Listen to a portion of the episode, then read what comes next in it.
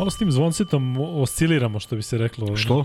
Pa jednom ga nema, pa jednom Uvek se kriven, pa ga samo drugi nekad put se ne čuje. Dobrodošli u 80 i prvo izdanje podcasta sa Lukom i Kuzmom, izdanje koje je posebno istorijsko zato što je prvo naše, a da je počela Euroliga, ja i Kuzma smo počeli da radimo u krajem novembra, pa smo onda nešto pauzirali. Tad je već uveliko trajala sezona. Nešto smo pauzirali. Pa jesmo, nešto smo pauzirali. E, pa šta, nismo? Jesmo. Pa naravno da jesmo. Ove, samo da ne pauziramo ponovo. E, ali e, počela Euroliga. To je znači razlog zašto smo se okupili danas. Jeste ovo naš redovan termin, ali odluka je da radimo i sutra, je tako Kuzma? Da, pošto su sutra obe utakmice, klizit ćemo koliko budemo mogli četvrtkom i petkom. E, imamo o čemu da pričamo što ovih utakmica tiče, ali mi je žao što, što ni Partizan ni Zvezda nisu igrali, bilo bi mnogo interesantnije. Ovako ćemo to sutra u jednom terminu koji je malo onako Vaš, E, vi da, volite to. Vi volite taj ponešto. termin u 12 i 15, ne možemo ranije. U krajnjem slučaju ovaj, ovde su kolege iz 99 yardi i pričat ćemo baš o te dve utakmice, naravno spomenuti one preostale dve, ali e, red bi bio da se posvetimo baš tome. Tražimo neki način da se uklopimo, međutim, e, jako je teško zato što Partizan i Zvezda igraju igraći i utorkom i, i sredom. Četvrtkom je ovaj naš termin koji je slobodan od 9, međutim džaba ako, ako recimo Partizan i Zvezda igraju kao što igraju sutra, znate da imamo prenose, da imamo studija, tako da sve u svemu, verovatno ćemo sve rešavati u hodu, ali za sad jeste neka ideja što man, naravno moramo da potvrdimo i sa sa Srkijem koji je tu neko ko, ko, ko nas pre svega dobro savetuje šta i kako. Uh, ja i Kuzma zaista imamo dobru nameru da eto podignemo to sa dva na tri puta nedeljno i nadam se da će vam se dopasti zato što će zaista imati smisla. Evo primjer radi sada najavljamo te mečeve sutra, osvrnut ćemo se na ovo danas i uh, vidim da, da vas već ima ovde i da već komentarišete sve i svašta i to je sjajno i moram da počnem sa ovim Kuzma, ti možda nastaviš. Kaže naš Marko Jeremić, pozdrav Luka u LO Fantaziju, trenutno imamo 463 time, ali ima od prilike 380 igrača. Tebi je ovo jasno šta... Da, neko ima ne, duple timove. 463 timova. timova. Da, nego to times, time, times, tako, tako se kaže. Da. 463 time, rekao šta je ovo vreme? Timova, a ovaj da, a imamo ima malo manje dakle, trenera, pa neka svako izabere po jednu ekipu, biće interesantnije da se ne bakćemo. Meni je i ovo već mnogo, a ne Kako da je naš? još Si odabrao dobri igrač? Jesam. Mislim, Tavares mi je ostao u sećanju da je bio, da smo ga izabrali. Ne, ne se to, toliko sam brzo to uradio. A, Tavares, Williams, igra je dobro. To Marko Jeremić sve prati, ili tako to? Ono, Ne, Marko ovaj, ne prati naše, on sad prati sve ove ostale Aha. koji su se pri, A mi prijavili, a mi pratimo naše, naravno. I onda ćemo u ponedljak ovaj, da pričamo i o ABA fantaziju, pošto će već biti drugo kolo, i da pričamo o ovome šta je bilo večera, da ne pričamo baš danas, jer morali bi sutra u stvari kad se završi kolo, ali neko ostane za ponedljak, da malo pohvalimo sve te ljude koji su se prijavili na našu privatnu ligu, Luka i Kuzma, i da se malo pozabavimo time. Biće sigurno interesantno i bit će mnogo uspona i padova, toliko je velika ponuda igrača i svega, tako da biće interesantno da imamo ko stvarno može da ovaj, da napravi u kontinuitetu nešto. Da, Kuzma je danas meni poslao da se ja pozabavim tim i da izaberem tim, tako da ne mislite da on na svoju ruku sada nešto um, sastavlja timove, ali ja zaista danas nisam stigao zato što je bio ovaj turnir, odnosno svetsko prvenstvo u basketu 3x3 do 23 godine, to se manje više radilo ceo dan, tako će biti i sutra i sutra Euroliga. E, tako da e, malo vremena zaista imamo da se pozabavimo tako nekim stvarima kojima želimo. Ima tu i neki, nekog privatnog života koji je potpuno na, na stranu, ali uživamo, nije da ne uživamo, počela je Euroliga, Kuzma, šta kažeš da počnemo od ovih mečeva koji su odigrani danas, da to prođemo brzo, da saopštimo da smo pali tiket i da onda pređemo na ono što nas čeka sutra. Nećemo naravno trajati 3 sata sad u ovoj varijanti kada idemo dan za danom. Da, nema, nema ni da razloga, budemo- ne možemo da, Da. ponavljamo neke stvari. E, počelo je počelo je uzbudljivo, neizvesne utakmice. Ja sam uspeo da odgledam, pa, da kažem 4 od 5. Ne mogu Koju da se odgledao? Pa nisam Valenciju, jel? nisam Valencija, Baskonija mi je mrtvilo bila od početka kako god sam se prebacio, nekako mi nije uopšte ulivalo ovaj nadu da mogu da gledam nešto uzbudljivo i ne samo uzbudljivo, nego nešto i lepo. Dosta jedna jednostavna košarka sa bez mnogo akcija, bez mnogo kretnji, uglavnom solo akcije jednih i drugih. E, imali smo studio pred, pred početak Euroligije. To sam te pitam da. šta si pričao, zato što sam ja Pa tad ništa, radio samo sat, i 3x3. po, samo sat i po. Sat i po, a? da, pričali smo o svemu i svačemu. Ja verujem da se ljudima dopalo jer je baš bilo ovaj, a, mnogo, mnogo tema. Jedna od njih je bila Valencija i ja sam negde u toku razgovora sa Ilijom onako tek tada, ne, znači nisam došao spremljen za to, nego sam shvatio da je Valencija moguća ekipa koja želi da učestvuje u Euroligi. Da nema neke velike ambicije. I stvarno su tako danas izgledali. Izgledali su je kao ekipa koja je tu da učestvuje, koja će da pokuša da ostvari što bolji plasman, ali uh, cela atmosfera na utakmici, sve vreme, je isti bubanj, ista muzika, turururu, uopšte nema veze šta se dešava. Možda zato što je španski tim, pa oni Španski igraju protiv njih. da, španski non-stop, tim nema tu baš neke tenzije. Da. Ja sam baš i mislio da će zbog tog španskog derbija Valencija da nagazi i otuda smo im i dali prednost igrački, pa ne bi mogao ti kažem da je Baskonija sad neka, neko ludilo od ekipe u odnosu na Valenciju, pa da su zato pobedili, ali prosto bolje su odigrali i nekako sam to i najmanje pratio. Mm, pratio sam tvoju utakmicu koju si radio. Bilo super na kraju, Makabi dobio baš ono na... Da, ali nagoveštava još jednu traumatičnu sezonu za Makabi. Nevjerojatno. Ono šta su ispustili posle 17-3 serije i već viđene završene utakmice protiv jedne ekipe koja a, ja ih zaista poštujem. Ma vidio si, ti malte nekad pogledaš 5-6 igrača ih gledaš već treću, četvrtu, 15. godinu za redom i sad dolazi do pitanje da li se isplati pobediti jedan, mislim isplati se pobediti i jedan poen, nego koliko je, koliko je uloženo u ovu ekipu da je pobedio jedan i to neverovatno Jedva jedan, da. kretanskim napadom uh, koji je, ja čak nisam vidio da je Kataš reagovao šta u tih 22 sekunde. Da li su se stvarno dogovorili da brane ili su branili po, pa ajde šta bude. U svakom slučaju veća smušenost uh, Adams bio na playu?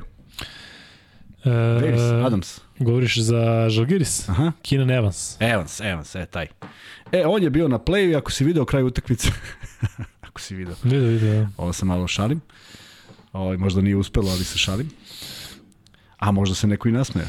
Ne, moj, ja ću se nasmeti kasnije kad scenu, provalim. jesi video scenu kada trener ga gleda i kaže Da, da. ti rešaš, ne dodaješ tamo nekom ko izlazi iz neke kretnje. Prema tome, sve je bilo naopako, ali on je profil igrača koji je tu i tu je zato, zato što nije neko ko možda može to da reši na taj način, tako da...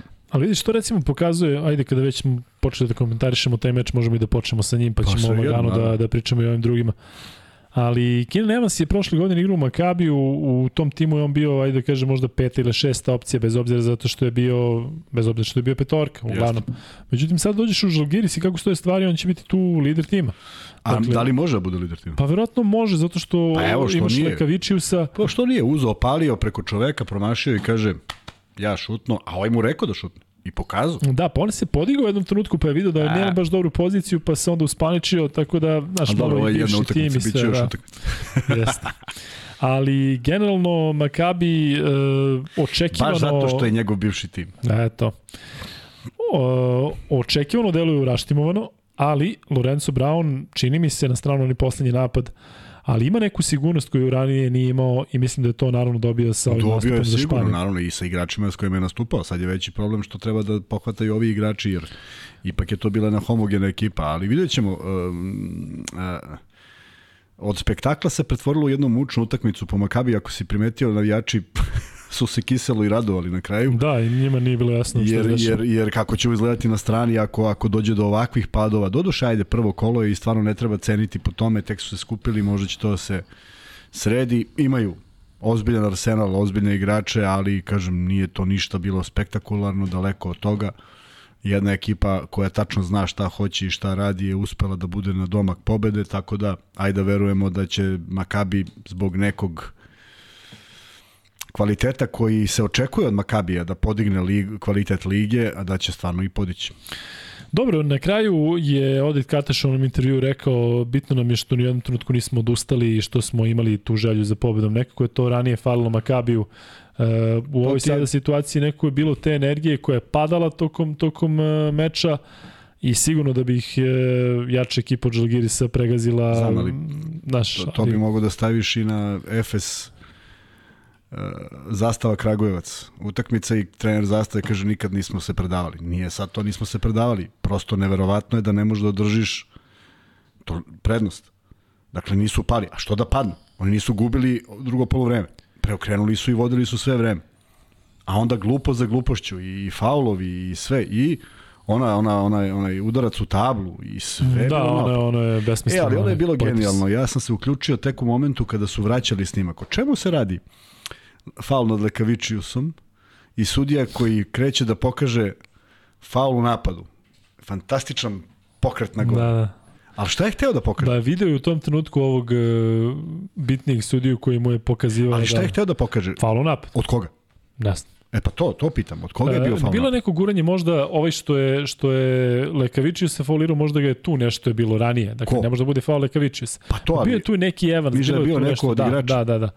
U svakom slučaju onaj pokušaj je Pokušam da bio shvatim. da, sumanut. Ove, i možda i on stao u trenutku da počekaj. Ne, ne, ne, ne, on je sigurno nekog imao u kadru, Jest. jer nešto se nije desilo. Možda je samo treba. promenio ono što je hteo da odradi ovako, pa je krenuo ovako, pa I snajom. možda je pobrko strane, to je jedino što je bilo. Moguće, Ovaj. da. E, malo statistike, Lorenzo Brown, e, double-double sa asistencijama 13 poena, 11 asistencije, 5 od 7 za 2, zaista to deluje dobro. Dao je jednu trojku iz pet pokušaja, ali imao je neke šuteve onako na isteku napada, tako da nije ni tih 20% realno. Colson, dobro pojačanje, 16 poena. Wade Baldwin, moj omiljen igrač u Makabi, moram priznati, toliko igra odmereno, toliko igra dobro. 3 od 6 za 2, 3 od 6 za 3, 15 poena, ali ranije završio zbog 5 faulova. I sada taj Nibo i taj e, Poitres meni ne ulevaju onako neku sigurnost da će Makabi imati snagu pod e, obručima. Snagu fizičku hoće, ali kada treba ono kefalo, ne verujem baš da Nibo da. sada treba da rešava glavom i da daje iza leđa asistencije. Ne baš, ne baš. A tek Poitres ne, sa onom tablom što je overio, još se svi kao čude, a tako jako udariš u tablu da se zatrese sve to. Bez sve razloga, a, to, a on tako. je kratak, toliko je kratak da nema nikakve Jeste. svrhe da, da, da udara. Tvoj Rafi Menko je dao 5 poena, tako da i on imao svoj učinak. Žalgiris, uh, Keenan Evans protiv bivšeg kluba, najefikasniji sa 17 poena, vratio se Šmic, uh, nije se vratio, on je letonac, ali ajde da kažem, neko prirodno je da igra. Ovde i to je to što se tiče tog meča, dakle Makabi je e, dobio Zasluženo su pobedili, kuće, moglo je da. samo mogu samo da izgube neverovatno. Inače o, o, Makabi se borio, o, Žalgiri se borio negde od kraja druge četvrtine pa kroz celo poluvreme za da se vrati, vratio se svaka im čast i to jeste jedan kvalitet te ekipe. Oni su oni su vrlo slični ovom mentalitetu koji mi imamo i stvarno nikad ne odustaju i kod njih to nije floskula. Nekad će se negde desiti, ali u Žalgiri su se definitivno ne dešava, svi oni igraju za taj klub, klub je poistovećen sa nacijom i tu nema mnogo filozofije. E, ajde sada samo dok ne pređemo na druge mečeve, nekoliko pitanja. Kaže Marko Jeremić, Vanja, samo slušaj ovo, Luka, imamo i NBA i Fantasy, znam da ti Vanja obožavate NBA i tako da, Da, da i to to imamo ponudi Da, za igranje. ponudio sam Znaš? igračima, jeste. Hoćemo da biramo, a? Svaki dan treba da se bira. A pa vi hoćete lako, pa izaberite danas, pa na pogledamo na kraju šta ste uradili. Čekaj, ali ako izaberemo sad ekipu, dok nam Pa to menjaš je stalno. Iz Stalno kola menjaš? u kola, aha. Mm, Da, A bio si za taj fantasy pre, nego, pre ovog momenta, jel? Ja? da. A do, do, do malo pre si bio za to. Kažu pozdrav od Endrusa za Luku. Uz 8 poena za 13 minuta i poruku preživao sam Real, idemo dalje. Šta je, Andrus dao 8 poena, ne? Jeste preživao Real, ali su izgubili, ne znam šta je tu dobro. Pa šta je, dao 8 poena i sad kao... I sad to ne- je to, kao Baje, ne znam. Pa dobro, 8 poena koji za 13 minuta je okej. Jeste super, ali ima i momenta kad 0:1, nije znao znam, došao, da. kad nije znao jel došao ili pošao. E, pa da. Luka, malo je off topic, da li možda znaš da li će sport klub ili neko drugi prikazati uh, Hoop Cities, dokumentarac koji radi NBA i 7-8 košarkaških gradova Evrope, među kojima i Beograd. Ne znam, moram da vidim ko je to producirao, raspitaću se, pa ako se setim javiću, nemojte zameriti, zaista ima puno stvari. Ovde neko kaže, očekujem baš jednu društvenu mrežu od Luke, e, pa ne znam koju. Šg.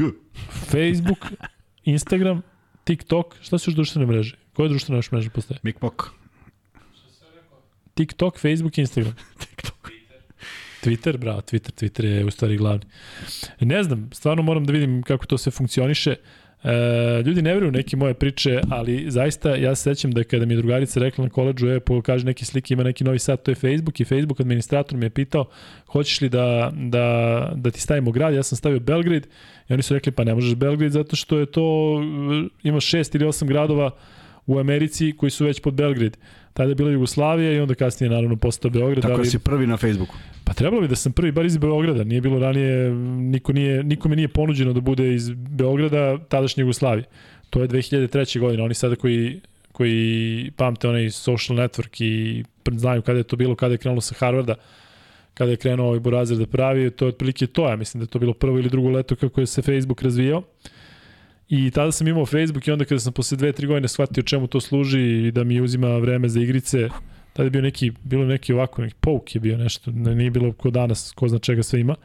Ali ovaj, e,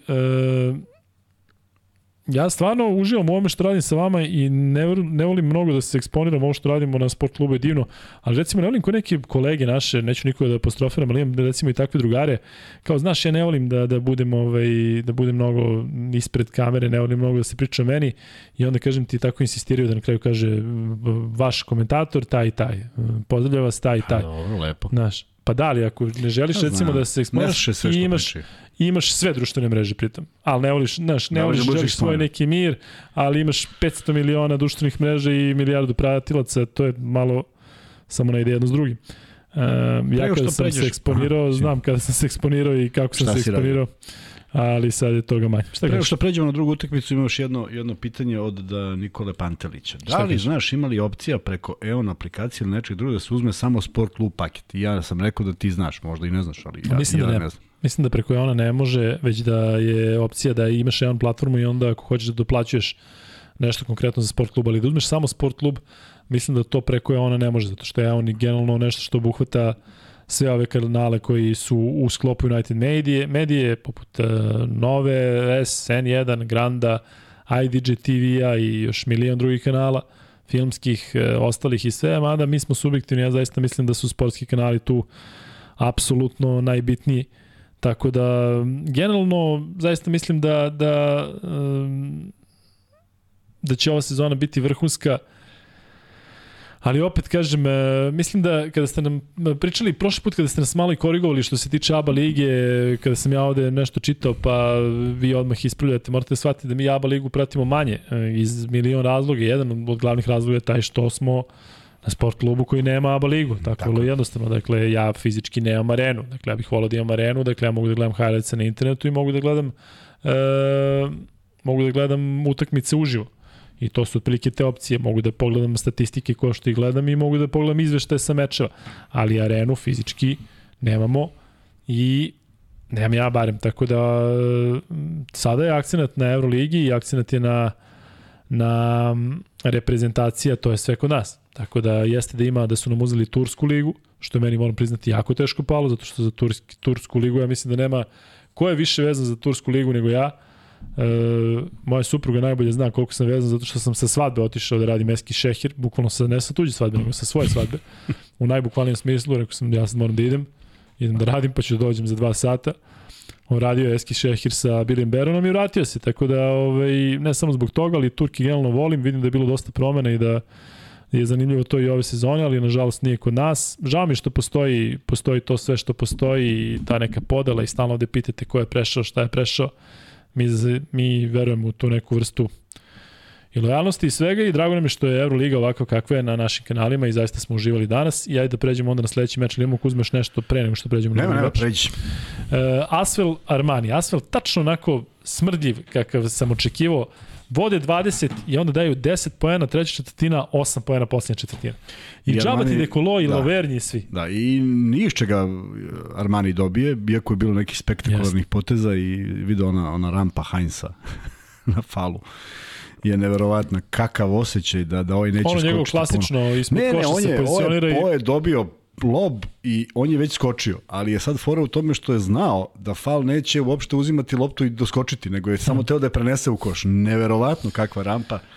42 cm nižeg čoveka. Verovatno. Ali Jusufa Fal koji ne podiže noge od, od ne, ne, ne, ništa, da, on je samo teo da je prenese kako je dobio i ovo je to osetio i vratio ga. E, čudna završnica, bez nešto mnogo rezona i šuteva koji su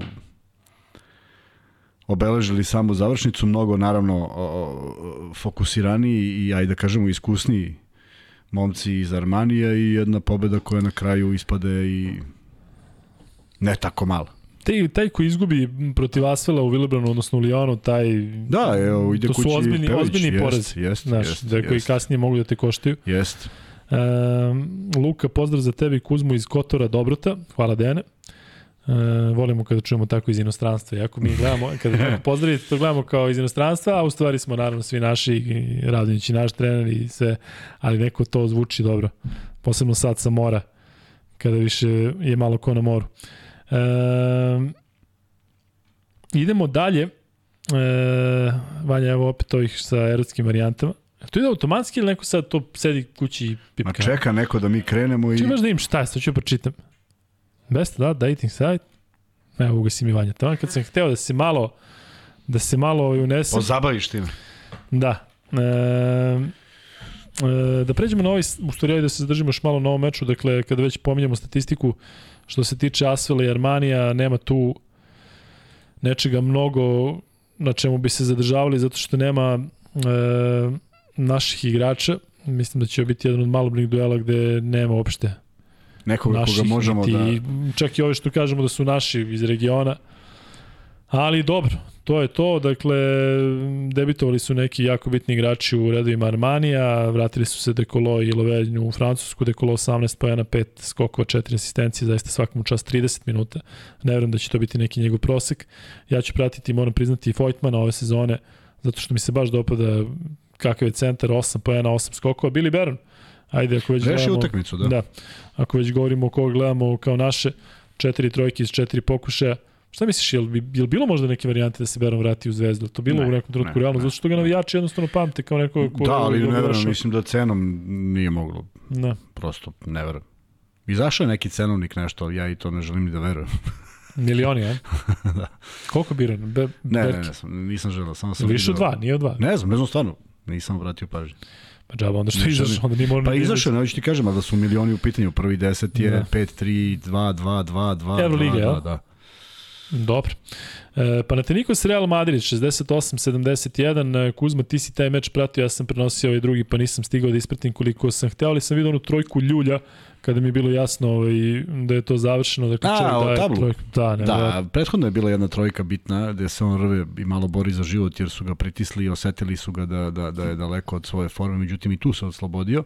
Onda je napravio jedan gaf koji je uradio u Pioniru, ako se sećaš. E, Kada je Zvezda pobedila Real, on je očekivao faul u izlasku iz bloka u desnom Jeste, driblingu. Da, ono, na dva, dve, tri razlike. Tako je, u Da. desnom driblingu i bacio se Jeste. i šuto je, to je uradio i sada i nije dobio faul, tako da bi mogao da prestane. Možda neće više raditi. Ali naravno čovek koji kad je na terenu eto iznudio je taj jedan faul posle ovaj uh, koji možda i nije bio, ali njegov autoritet dobio je neke korake koje mu ranije nisu svirali i tako sve je to išlo nevezano za sudije. Bitno je da je uh, mnogo iskusniji Real, da nam je jasno, sada pričali smo Ilija i ja zašto i kako pomoćnik ovaj, Pabla Lasa, pa on izgleda isto, jesi primetio? Malo je mršavi, ali sve ostalo je identično. Ovaj, tako da je potpuno logična zamena na klupi. Uh, Kako ti deluje taj odnos između igrača i trenera u smislu da ga poštuje? Priča, pričali okej? smo o tome, deluje mi da je, da je sve bilo okej, da. S obzirom da će on igrati iste stvari, ali e, tu je veći problem kada ti pređeš iz, iz faze pomoćnog u, u prvo, na mesto prvog trenera, to, to nosi određenu težinu. Ovaj, a, I igrači moraju da prihvate to i samo je pitanje kako će igrače prihvatiti, a s druge strane od, sve oči su uprte u tebe, jer ti sad imaš određeni pritisak da nešto moraš da uradiš, pošto se u suštini ništa nije promenilo. Isto su manje više isti igrači, isti su postavke, ti znaš sve te ljude i tako dalje i onda je malo bilo ovaj, možda napetije za njega ovaj debi, prošao ga je sasvim solidno, Real je kontrolisao igru, uh, Musa, neko ko je doneo apsolutno ovaj, i bitne poene u određenim momentima, ti Hezonja ono, samo na početku. Jel ti deluje da će Musa biti Mora- Mo, mora da značajniji bude, od Hezonja? Da, da. Zašto jako, jako lako rešava neke stvari. Zaista lako. On je par puta otišao do koša, ok, napravio jedne korake, ali sve što je uradio imalo dosta smisla. Ali Hezonja ipak je čisti šuter. Pa, a, a, samo da bude strpljiv. On je otvorio, on je sa 8 poena otvorio utakmicu. I tu stavi, pa da, pa da, ali onda, onda, e, onda ta, to nestrpljenje. Prvo je presedeo na klupi jedno vreme, ali i to mora da shvati da je to odluka trenera u krajnjem slučaju prva utakmica i da se vrati u igru kad uđe na neki jednostavan način. To bi bilo dobro. E, Tavares bio je fenomenalan u jednom trenutku imao indeks 16 bez promašaja iz igre, 3 Da. slobodna bacanja i tako dalje. Ozbiljno neprelazna prepreka. Ne znam ko je otišao na drugi obruč, da li, da li Williams, da li ko. Tako je, tako je stigo sa, sa 100 metara daljine. Tako da oni i dalje dobro kontrolišu reket, imaju plejadu ovih igrača koji su se jako dobro snašli. Kako ti se čini dek? Da, on poznaje sistem, on je sve okej, okay, malo, malo greši kada... A solira malo? Da, Da, i solira iz pozicije koje su mu strane, da. zna, koje su mu strane. Yes. On kad primi loptu dole, post up, on može da, da radi šta god hoće. Onda krene neki ulaz A koji je... teža sebi šut. Koji je izlaz, da. nije ulaz, nego, nego ko zna gde ide. Tako da, ovaj, bilo je tu dosta, ali i oni se, i oni se traže sada, međutim, sasvim solidna utakmica. Žao mi je naravno što je deo izgubio, međutim, završnica... E, toliko smo pričali o Liju, koji je zvizno dve trojke i vratio Panathinaikos ne u život, nego su poveli, a onda Ali je, je šutno devet. a onda je dva puta šutno, jednom je promašio za metar, a drugi put je bez veze šutno u prvi obruč, lopta se odbila potpuno kontrolisano, tako da je I onda je bila jedna čudna završnica, iskreno ti kažem. U kom smislu? Pa bilo je šest razlike za Panathinaik, za Real, a ostalo je 30 i nešto sekundi.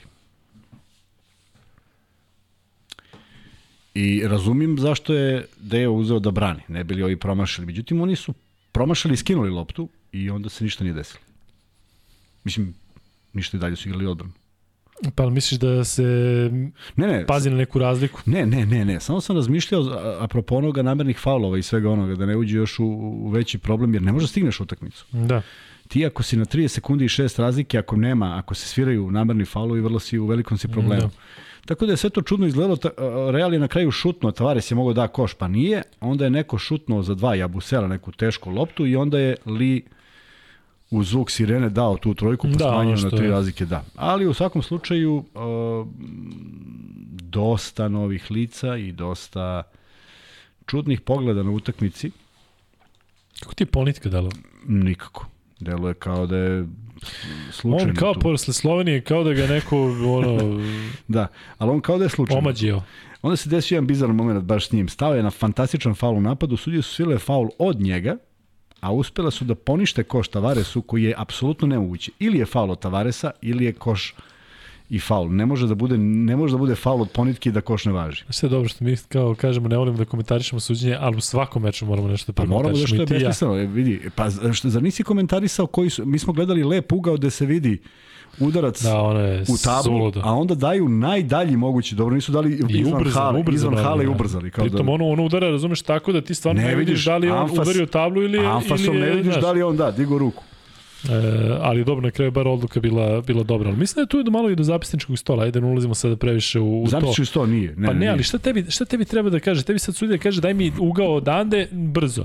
Znači treba i onda kaže pa čekaj Burazor imaš ovaj bolji ugao, ne da samo sad A to je, to je što vrti. On Pa treba da, kaže. tako ne, je, a, to mislim. Ne, ne, na, zapišiš na taj to deo je- zapisničkog stola Aha, u smislu... dobro, ovaj snimatelj. Da, da, da, Dobro, jasno. da učestvuje on više E, u to da posavetuje, a ne sad... E, Žao mi je što je Deo izgubio, zašto znam koliko znači taj start u Grčkoj, međutim nešto drugo me je začudilo. Dakle, Real Madrid Prazni aren. prazna, Vidio sam. prazna. Ono gore si vidio. To, kako bi ti rekao, mislim, ne mogu da ve- verujem da su ti neki rezultati uticali, ali gledaj sad kako razmišlja, na primjer, prosečni navijač koji kupuje kartu za gore, jel tako? Ovi drugi su fanatici pa su uvek tu. On je razočaran u nekoliko prethodnih sezona i čeka početak ove sezone. I Olimpijakos pobedi u Superkupu. I on kaže, "E, sad neću da idem. Ali ako pobede ovu, onda možda se vratimo, on izgube. Dakle, stvarno su tamo porazi jako bolni i žao mi je što je Deo izgubio iz prostog razloga što ovo nije bila utakmica koja je morala da se izgubi uz malo nekih pametnijih odluka. Pre svega mislim na igrački kadar, ne zato što je Deo napravio neke kardinalne greške u vođenju, nego jednostavno neke stvari sa nekim igračima neće moći da prođu. E, Ovdje sad ljudi komentarišu između sebe oko tih paketa, šta se uzima, šta se ne uzima. Znači, nekako pričali smo treba. u uzalud ovo. a? Da. Sad ćemo E, da ponovimo sve ovo što smo rekli. Bojan Milidragović priča, pita za nešto iz prošlosti. Mnogo je zanimljiva priča iza svega toga, Bojane. Jako, jako zanimljivo. Eto, volio bih to da podelim s tom ako se zaista interesuješ iskreno ako, iskreno ako nije neka prozivka. Baš ovaj, ima šta da se priča i pre toga i posle toga i tokom toga. E, u svakom slučaju što se tiče ovog meča između Reala i Panathinaikosa, rekao bih Kuzma da je tu bilo ključno to što je Real ipak tim koji dugo igra zajedno, Jest, sa sve novim jest, trenerom, koji je jest. ipak stari trener, u smislu Jest, dalje bio u koji klubu. poznaje igrače. A Tako. ovo je sve novo Tako i... E, ali znaš šta, čudi me recimo to a, oko publike, da je recimo Željko Bradović da se vratio, bi sigurno, siguran sam da bi bilo više publike. Mislim da je, da je taj Panathinaikos, da je njih potpuno poremetilo to što ih je Olimpijako zaista onako prilično ponizio u poslednje vreme i tim nekim utakmicama u play-offu i kolika je razlika šta je Olimpijakos bio prošle godine u Euroligi i da jednostavno ne može to sad baš ovako. Aha, Ne može, došao ne Radonjić može, i ne pritom ja može. ne znam koliko Ne. njima znači Radonjić. U smislu kao ime sada, znaš, ne vidi oni, došao neko iz Crvene zvezde, nije došao neko, ne znam šta Panatenikosu znači trener Crvene zvezde. U smislu, znaš, nije to sada trenersko ime za nekog običnog navijača Panatenikosa da kaže, u, daj sada, razumeš, vidiš ovaj šta je sve osvojio, on je vodio zvezdu i vodio jedno vreme Bayern. I onda sa te strane, to mi gledamo kao otišao deo Panatenikosa, sad će njima biti bolje. Ali ne vidim, ne vidim da je to za njih kao, uf, daj sad baš da kupim sezonsku kartu. Ima, sve ima, ima istine. Ima istine, sve to, sve to duboko, duboko zaboli navijači jednog ili drugog tima, zavisi ko vlada, jedno vreme je to bio Panathinaikos, pa su to razmišljali i navijači Olimpijakosa. Sad se to okrenulo unazad nekoliko godina i da, potrebno je to, zato je, zato je jako stresno i specifično mesto ovaj, e, mesto trenera, a da ne govorim da su već u kadru uhvatili Pedulakisa koji je tu uvek na stand-by-u, verovatno. Znaš, oni svi čekaju, svi tapšu, ali svi čekaju ovaj, raduju se više ovom porazu. Tako da Deju predstoji ozbiljno, uh, ne ozbiljan rad, on je ozbiljan rad i on, nego Čeka ga ozbiljna muka tamo, da ti Ozbiljna- kažem. ja, ozbiljna zato muka što sa glavama Neće biti koje- lako, da, da, a pitanje je i ko se šta pita Jest. i da li je to baš onako jedan sistem uigran ili se ostavljaju neke stvari ne znam, ali ajde da, da poželimo sreću. Ja sam i dalje tvrdim da, da ne može da bude lošija sezona od prethodne. E, Vanja, slušaj ovo. E, kaže Stefan Milošević, za, zašto ne upalite subscribers mode? Neće vam više iskakati te gluposti, a ni botovi. Jel to znači da onda na chatu mogu da budu samo ljudi koji su pratioci? pa divno. Pa divno, pa daj to. To je uključeno, a? Pa onaj adult site sigurno nije pratilac. Jeste? Pa, da. Kako smo ga primili? Ajmo da ga nađemo. Daj, daj da treba? pregledamo svih 7800 da imamo koji. Ali u prevodu ovo što kaže Stefan, što ne uključite subscribers mod, on je uključen, jel? Dobro. E, Luka, da li ćeš ti generalno prenositi Partizan? Ne znam, moguće, vidjet ćemo. Marko prenosi sutra i to je to. E, kaže Marko Lahović, zaista mm, lepo dečko prenosi, tako da grobar je. Nema, svi uslovi su ispunjeni da, da on to radi kako treba. E, ako neko može da mi objasni kako oni Bohoridis igra Euroligu. Ima mnogo, ima mnogo misterija, nije, nije jedino. Da. E, da li je Đorđević ostao bez angažmana ove sezone? Pa za sada jeste, ja koliko znam nema klub. Nema Čak klub. se nije ni pominjalo negde da šta će i kako će. A na koga ste prvo pomislili kada ste videli da Kampacu dolazi u Partizan, što se naravno nije desilo? Koja je priča to? Tri meseca unazad. Tri meseca unazad kada je bilo u Kampacu, ja ostajem samo u NBA i samo me to zanima. Kad sam ja rekao, bit će tu nešto. I baš me zanima koja je to veza, zato što nemoguće da neko sedi i da kaže, ajde ja da izmislim da će Kampacu da je blizu Partizana, pa onda se demantuje.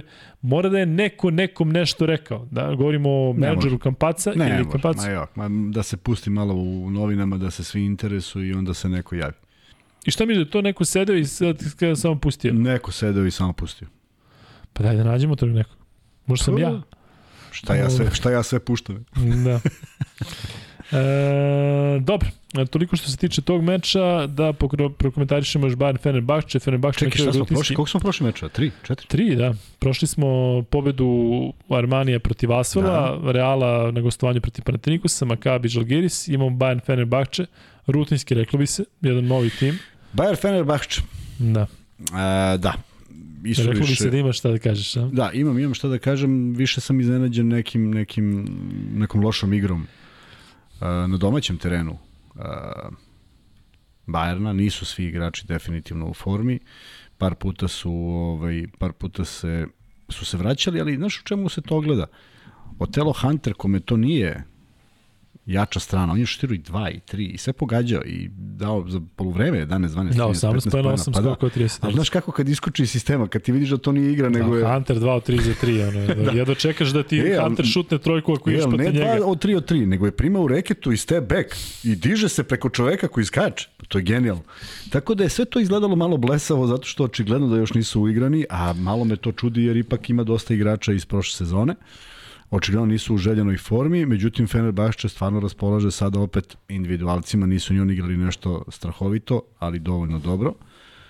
E, da se vrati samo na Panathinaikos, Derek Ajde. Williams koji, koji kažu na polovremenu da je dao izjavu da samo fokus na slobodno bacanje da šutne s 8-3. Neverovatno. Ovo je važno sam rekao. E, meni je on velika misterija. On je igrač za kojeg sam mislio da može sve. I, i, Ali i- ne baš, a? I, da, ali on, on stvarno mora da bude ta prevaga u Panathinaikosu. Znaš ti koliko je puta došao do koša pa nije, nije dao koš danas? Pa iznudio faul pa nije dao koš.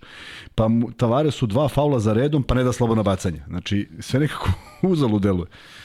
E, da se vratimo na Bayern, koliko je dao? Vrlo malo, ja mislim da je dao i Jaramaz i Lučić. Jaramaz i Lučić po dva poena, A, da. Jaramaz pritom e, na terenu 16 minuta, Lučić 30 minuta. I vidjet ćemo posle Marinković je odigrao onako koliko sam video tokom meča slabo za Baskoniju, da ih ne vuče ovo, od ovog leta. Koliko vuče, to vuče kada... Vuče, vuče, ne mogu ti kada- da. dvojica zajedno. Da, da. Sa onakvim da, padom, Da, znaš. sa padom i, i prosto izbor, izbor, nekih, e, izbor nekih poteza danas Lučićevih nije bio ono što smo navikli od njega. Tako da još uvek traži neki ritam, a otvorili su utakmicu prilično loše i onda kad otvoriš loše juriš celu, tako da mi jeste iznenađenje, pa ajde da kažem ubedljiva pobjeda. Koliko je 10 razlike na kraju? 12. 12, pa eto.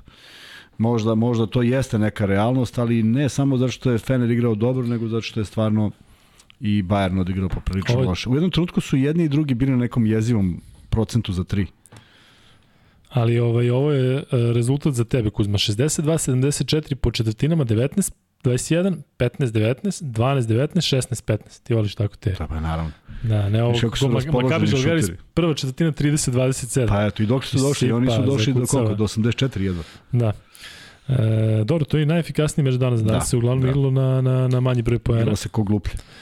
E, žao mi je za Jaramaza i za Lučića, mada moram priznati moj neki osjećaj, sada govorimo čisto osjećaju da Bayern neće biti bog zna šta ove sezone i ne vidim ih iskreno u play-offu. I ostane mi samo još taj meč Valencija-Baskonija, gde je Baskonija kao gost slavila sa novim trenerom Penjarojom, e, Penjaroja koji je prošle godine vodio Valenciju, tako da mislim da je to bitan faktor zato što ipak nije bilo neke uzbiljnijih promena u toj ekipi, tako da ovaj Estonac Kocar se baš e, istakao. Jesi čuo za njega Kuzma? A on je prošle, on je ovog leta igrao jako dobro za Estoniju na evropskom prvenstvu, ali nisam verovao da će doći do te granice da evo na prvom meču u Euroligi on ima 21 poen, 9 skokova, 4 asistencije. Svaka čast, zaista. Video sam, odmah se vidi da je momak e, što se tiče estonske reprezentacije ovaj, neko ko se izdvaja, ali moram priznati da nisam baš očekivao ovo. Inače, vole te estonce u, u, Da. u Baskoniji, Da. ne znam koja je to Da, veza. Neka veza postoji. Možda neko zna.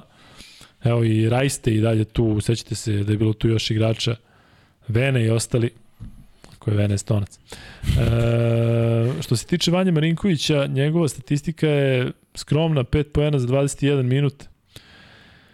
Baš bez veze što Marinković, Jaramaz i Lučić nisu zajedno ubacili 10 poena. Rekli smo naravno da ćemo njih pratiti najviše, ali zato Crnogorac Radebao 10 poena, Bez problema. Zamenik Kendrika Perija. Nemaš dakle ništa Kuzma o toj ne, Ne, o tom ne, meču Baskonije. ne. To je da se nalažemo možda jedan od najneinteresantnijih Jest. meča u Euroligi generalno, ne govorimo o prvom kolu. Jel se slažemo? Slažem se. E, e, sada je vreme da pređemo na ono što ćemo da komentarišemo sutra. Dakle, imat ćemo četiri meča na raspolaganju, od čega su naravno ova dva najbitnija. Je li ima E, neku informaciju ko je otputovao u Berlin i u Istanbul? Mm, ima sigurno, nego nismo stigli možda da ispratimo. E, To je dosta e, interesantno. kaže Miloš Andžić, Luka, ne znam da li imate informaciju da je prvi kondicioni trener Bajana, momak iz Srbije, Ivan Pjanec, dečko iz Pirota, nemamo samo glavne trenere u Euroligi, nego i kondicione. Mislim da je Stefan pričao, možda meni ovako pre ili posle podcasta, ali kada ode u, u, u Bayern, Jović, mislim da Jovića, e, I zanimljivo je, zanimljivo je zaista, videli ste koliko ima trenera iz regiona na ovom evropskom prvenstvu, što pomoćnih, što glavnih. E, tako da, lepo je to, neka i treba. Kuzma, sutra su mečevi na dolu Efes Zvezda, Alba Partizan, Barcelona Olimpijakos i Virtus Monako. Četiri zaista fantastična meča za nas, naravno, zato što igra Zvezda i Partizan, ali ova dva preostala su fenomenalna. Barcelona Olimpijakos, ja sam prilično emotivan prema tom meču, zato što mislim, 95% sam siguran da mi je to prvi meč koji sam komentarisao na sport klubu u Euroligi. Dve nedelje možda nakon što sam, što sam došao na sport klub, bilo je to prilično davno. Ja sad ostavljam tih 5% da je, da je bilo, uh, bilo je definitivno Olimpijakos Barcelona, dakle igralo se tada u Grčkoj. E, možda je bilo Olimpijakos Baskonija, možda, ali ba je bilo sigurno. Tako da verujem da je Barcelona i komentarisat ćemo i taj meč. Šta si rekao Kuzma, kada pričamo o Zvezdi i Partizanu, ti hoćeš da pričamo prvo o meču koji je prvi? Pa da. A tako? Pa da, pa nema nikakvog razloga ko igra prvi. Ali ko je mogu da stavi bre pola sata da igra Partizan ne, ne, ne, verovatno. Pa zašto ih zašto nema mnogo takvih momenata, Ali osim... kako funkcioniše to Kuzme? Ali oni nešto sad izlače tu ili ko, ko je taj gde se ne, pravi taj raspored? Ne, nemam pojma. Ceo raspored. Mora da ima neki sistem. Ne, nema sistem. Pa koji pa, sistem? Ne, ali zašto da staviš 19.30 Efes? Hm. Tad si igra u Turskoj. Šta je to kao turski termin? Pa sat vremena je razlika. Pa da li sve jedno? Pa tad si igra u Turskoj. A što Partizan izvede istog dana? To niko ne zna. Pa tome ti pričam. Znači, neko, mo, neko se sigurno time bavi i u fazonu ne bavi se, ne bavi se. Nismo obratili, obratili pažnju ni za Panathinaikos i za Olimpijakos. Možda je bilo i sa takvih situacija, ali prosto pa ako već ima... Panathinaikos sada, Olimpijakos sutra. Tako? Pa dobro, danas, ali možda i neki put, nego nismo do sada obraćali ne. pažnju, to hoću da kažem. Ali s obzirom da, da, da, da, da, da stvarno nema baš mnogo takvih klubova, uh, a da za razliku od uh, Atine gde, gde oba tima imaju svoje hale, ovde da bi se napravio spektakl može u jednoj, onda je trebalo samo malo povesti računa i da jedni budu domaćini, drugi gosti i nikom ništa ne bi smetalo. Prema tome, vrlo je, meni, meni smeta što ne mogu gledam jednu i drugu utakmicu. Kaže Sale Božić, pita Kuzma za ovaj adult sajt, kako su ga primili od adult sajta, kako smo ga primili među subscribere ali dvosmisleno zvuči. um, da krenemo od dakle meča, ne znam, Kuzme je onako lagano odbio ono moje sa novčićem. Ajde bacaj novčić, radiš Možda bacamo novčić? Ma bacaj. Ne, ajde sad ćemo ovako po tvom, pa možemo sledeći put po mom. E, pa imaš novčić, ja nemam. Ma ima Vanja tamo A, Vanja ima. Čekaj, čekaj, nećemo sad. E, sledeći put ćemo kada bude ovaj slično ovako. Ali e, hoćemo da bacamo onaj treći free bet da bude humanitarni ponovo, pošto smo ovaj pukli. Hoćemo da komentarišemo o četiri meča ili mi hoćemo, hoćemo, da, pa opet isto, da. Ništa, Vanja stavlja i uh, znamo šta će staviti publika, vjerojatno će tiket možda da padne, ako budemo ovaj razmišljali čisto, čisto navijački, ali tako i treba, idemo navijački, navijamo za naše klubove. Dakle, i samo molim te, pazi ko je prvi, ko je drugi tim, znači prošle, ono, imao sam noćni more, a? Ba, bolje da i, da, da, da i mi ipak stavimo to kako jeste. Dakle, I, Ivan Pejić kaže da je Madar otputovao, za Berlin. Dobro. Što znači da su kompletni ako se izuzmu Avramović i Smajlagić. To je dobro. da nisu tamo, da. Dakle, v Polje, da li će pobediti Anadolu Efes ili Crvena zvezda, pratimo, odnosno pravimo free bet humanitarni tiket, svi zajedno, vi glasate ko će dobiti taj meč. Kuzma, Zvezda i Efes imaju sad već jednu ozbiljnu tradiciju uh, odigranih mečeva, znamo kako je to izgledalo prošle sezone, ali takođe znamo da postoji te neki poseban rivalitet između samog Atamana i uh, Crvene zvezde, e, znamo zbog čega i kako je sve to nastalo i zaista tragedija što, što, što je to u stvari i razlog tih nekih e, dešavanja i kako Jest. se to krenulo, ali, ali e, mislim da nije loše za Zvezdu da gostuje protiv nije, Efesa. Nije, nije uopšte. Nije uopšte. Pa tako, zašto nema šta da izgubi, a može mnogo da dobije. Tako je. Početak je sezone, najslabiji moment u sezoni, već danas sam opet pričao sa Ilijom, ne tri sezone, nego četiri sezone. Toliko je Efes bio ubedljiv. Jednu sezonu igrao finale, drugu sezonu je bila prekinuta zbog korone, dve dominirao i to su momenti kada oni zaista imaju problem. I prošle godine su imali ozbiljan problem da nisu sklonjene ekipe iz Rusije, možda bi taj problem potrajao pa ne bi ni bili tu gde su se našli na kraju, ali to sad nima nikakve veze, nego ako bi birao moment, to su neka od prva tri kola, dok se još ne uigraju, dok se još malo zaleče, dok, jer je sveže sve ovo od evropskog prvenstva, bilo je pre svega 15 dana. Prema tome 20. Prema tome uh, dobar moment i dobra prilika zato što je zaista uh, ulazak u Euroligu i, i, i, i debi Vlade Jovanovića nešto što ne možeš da izgubiš ni u kom smislu. Igraš protiv prvaka Evrope na njegovom terenu, možda reći šta god hoćeš realno. Ono što Zvezdi ne bi trebalo jedan ubedljiv poraz, zato što mislim da nije taj odnos snaga i ne treba tako započinjati sezonu, ali ako naprave jednu dobru utakmicu i urade neke vrlo bitne stvari, procenti za slobodno, sa slobodnih bacanja, uh, zatvorene reketi i više skokova od protivnika i manja, manje izgubljenih lopti, sve ostalo se da popraviti, korigovati, menjaće se tokom sezone, ali to su neke stvari koje pokazuju šta jedna ekipa može.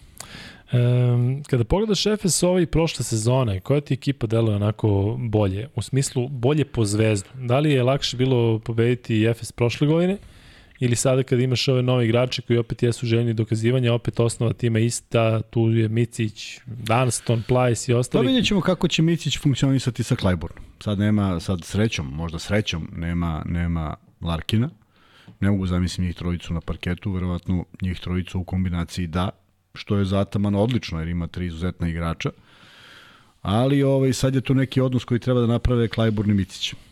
A ti delo da je Klajburn sposoban da tako menja pozicije da igra 2-3 kad treba da... Da, da 2-3 da, da, da, može. Da. Mislim da on nije problem. Ovde mogu Vasa i Larkin da menjaju poziciju. On, on bi bio na 2 ili na 3, potpuno sve jedno. Tako da ovaj, vidjet ćemo kako će on se on prilagoditi. Nije mu svako, svaka sezona bila sjajna, ali jeste ove posljednjih nekoliko jesu. I da vidimo kako to izgleda. Da ima šta je Ataman promenio, dodao i koju slobodu je dao Klajburnu. Ovo ostalo manje više poznato. Bill Clyburn, mnogi to zaboravljaju, je neko koji je ipak povratnik u tu tursku ligu. Sećamo ga se iz onog perioda kada je igrao za Daru Šafaku, iz koji je otišao u CSKA, tako da se praktično vraća. I meni će biti zanimljivo da ga pratim. Što se tiče Crvene zvezde, Kuzma, da li možeš otprilike da, da naslutiš koja će petorka biti sutra na terenu. Zato što ja recimo stvarno ne mogu da, da videli, videli smo pripremne utakmice, pa smo eto videli i početak ABA ligi, a tu opet ono, možda se kriju neke karte. Ko sutra po tebi Ne mogu kažem treba da počne, ali šta vidiš, pa, šta, šta ne, ne bi znam, ne znam ko je otput, da bi znao ko će se Pišu, skinuti. Nedović i Dobrić nisu. Nedović i Dobrić, opet je to nešto mnogo igrača, znači da ih u optici opet ima više od 12. Ali ja bih jo, počeo... Jović nije otput. I Jović. ja bih počeo sa, sa Markovićem na 1 i Adamsom na 2. Kolika ti je minutaža Markovića realno ove sezone u proseku? 18 minuta.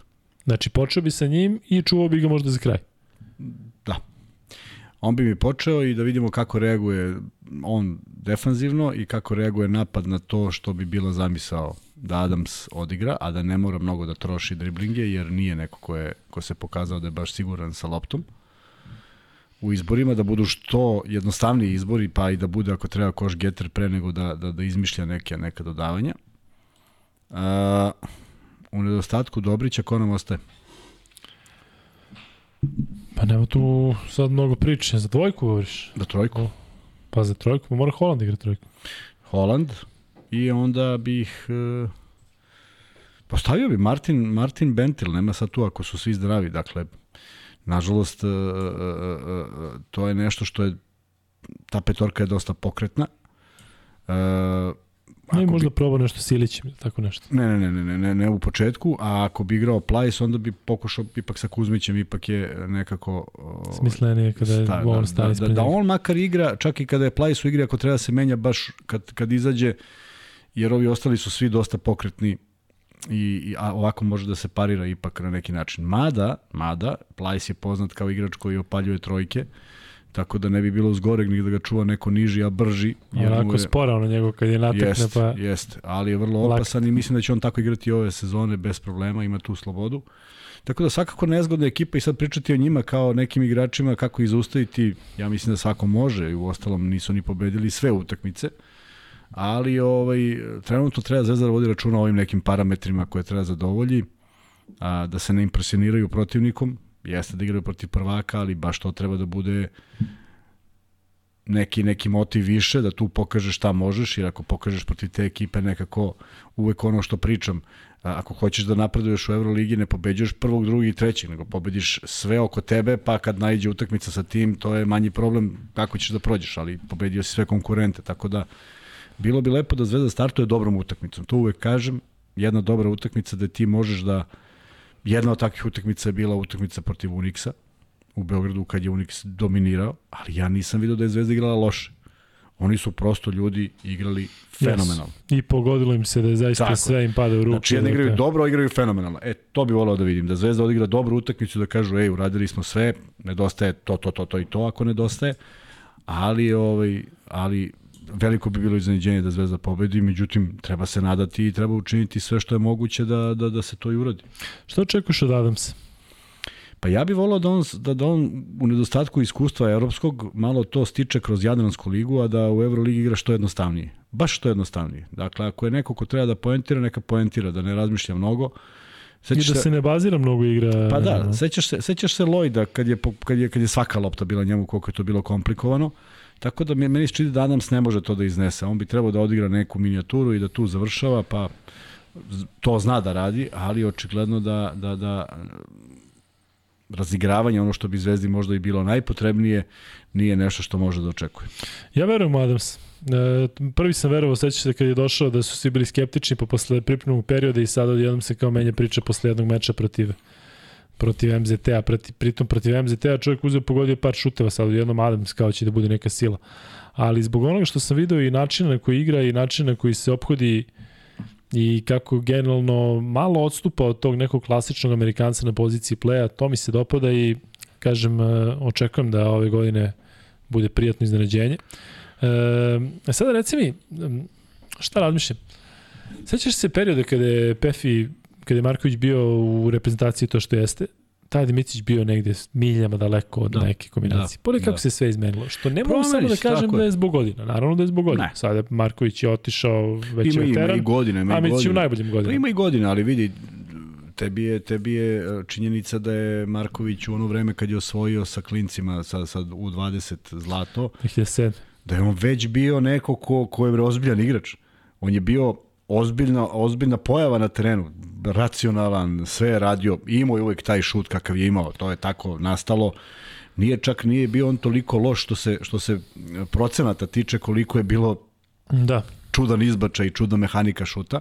Eto toga prati dan danas, međutim e, naravno on je ušao u određene godine, a nešto smo opet pričali danas u studiju, e, činjenica je da je Vasa Micić strahovito napredao baš, baš uz Jasikivičiusa jer su po igri vrlo slični. Dakle, point makeri nisu samo razigravali, nego su mogli da daju. A vidiš šta je rekao Kalates kad je otišao, da prvi put smo čuli neku, ne kažemo ružnu reč, nego prvi put smo čuli da nešto nije valjalo u odnosu što se stvari... Nije delovalo tako, bar na toj relaciji njih dvojice. Ja nisam vidio nešto na ali, ali mora nešto, nešto, da, ali mora nešto da bude jer ti dva puta dolaziš do dokle dođeš. Znali i... smo da nešto nije u redu, ali ja tako. nisam mogu da prepoznam da, da je to naravno, taj odnos Kalates i Skivičius, on imao minutažu, imao je loptu rukama kada treba. Sve imao, imao slobodu. Da. E sad, on je drugačiji tip playmakera. On ne liči na Jasikivičiusa. Prosto čovek više razigrao nego što poentira, je li tako? Ali sličan je Marković. Ne, ne, govorim ti sad odnos. Govorim da, da, da, naravno, ali govorim, ima sličnost između njih dvojica u smislu da se sumnja u njihov šut. Da, da, da, da, samo što je Marković za njega Oskar Schmidt, realno. Jeste, pa jeste, pa prvo izbačaj, izbačaj Kalate se više da, bac nego da šut. Da, govoriš samo šut, da. Da, a drugo odlučuje se ono kad mora. A Stefan Marković uzme loptu i šutne, nije to ništa strano. Tako da, volao bi da ih vidimo u kombinaciji ono što je Stefan naviko da radi, a to je da igra, da igra rnga, rnga i prenosi loptu, a onda Adams uh, malo rasterećeniji odigra nešto u napadu. Naravno, ovo sve pričam vrlo proizvoljno, kako bi ja volao da vidim. Uh, Holland donese onu energiju i da, jer on dosta, dosta se teško uklapa u sistem. Znači, ako smo pričali o eh, Edwards, Edwards Edwardson, kako se zove? Cam Edwards. Ne, kako se zove iz Panathinaikos, što je dao sam pojeno. Andrew Andrews. Edward, Edward Edwardson. Christopher Christopherson. Znaš kada je Christopher Christopherson? kako ne znam. Kaka legenda, a? Edward Edwardson ti je vrlo sličan igrač kao i Holland. Dakle, nisu oni igrači sistema. Tako. I vidi se, to se videlo protiv MZT-a. Malo ovamo, malo namo, ne znaš baš gde. Ali potrebna je ta energija i on neki izvuče neke svoje poene, a mislim da može i na neko svoje ludilo, samo prosto mora polako da se privikava na neke sisteme koji nisu strahoviti da, da, da bi izgledalo bolje na terenu. Martin i Bentil, Pentel koji može da raširi, koji može da pogodi, čak i Zvezdi dao 3-4-5 trojki tu jednu utakmicu u Beogradu, a, kažu da ima neki problema sa stopalom, ako nije on, Kuzmić, ako nije on, ja bih volao da je Petrušev u sastavu, ako nije on, Mitrović, čak možda umesto Hasana i Mitrović da počne, dakle nisam Hasana. sad tu. Hasan, da. Pa nismo, nisam tu baš nešto definitivno sad odredio, ali ovaj ali zatvoriti reket. To je to je nešto primarno ja ne mogu prihvatiti činjenicu da je MZT nadskakao Zvezdu jer onda ne znam kako će izgledati utakmica u Evroligi. Da. E, Luka Mitrović.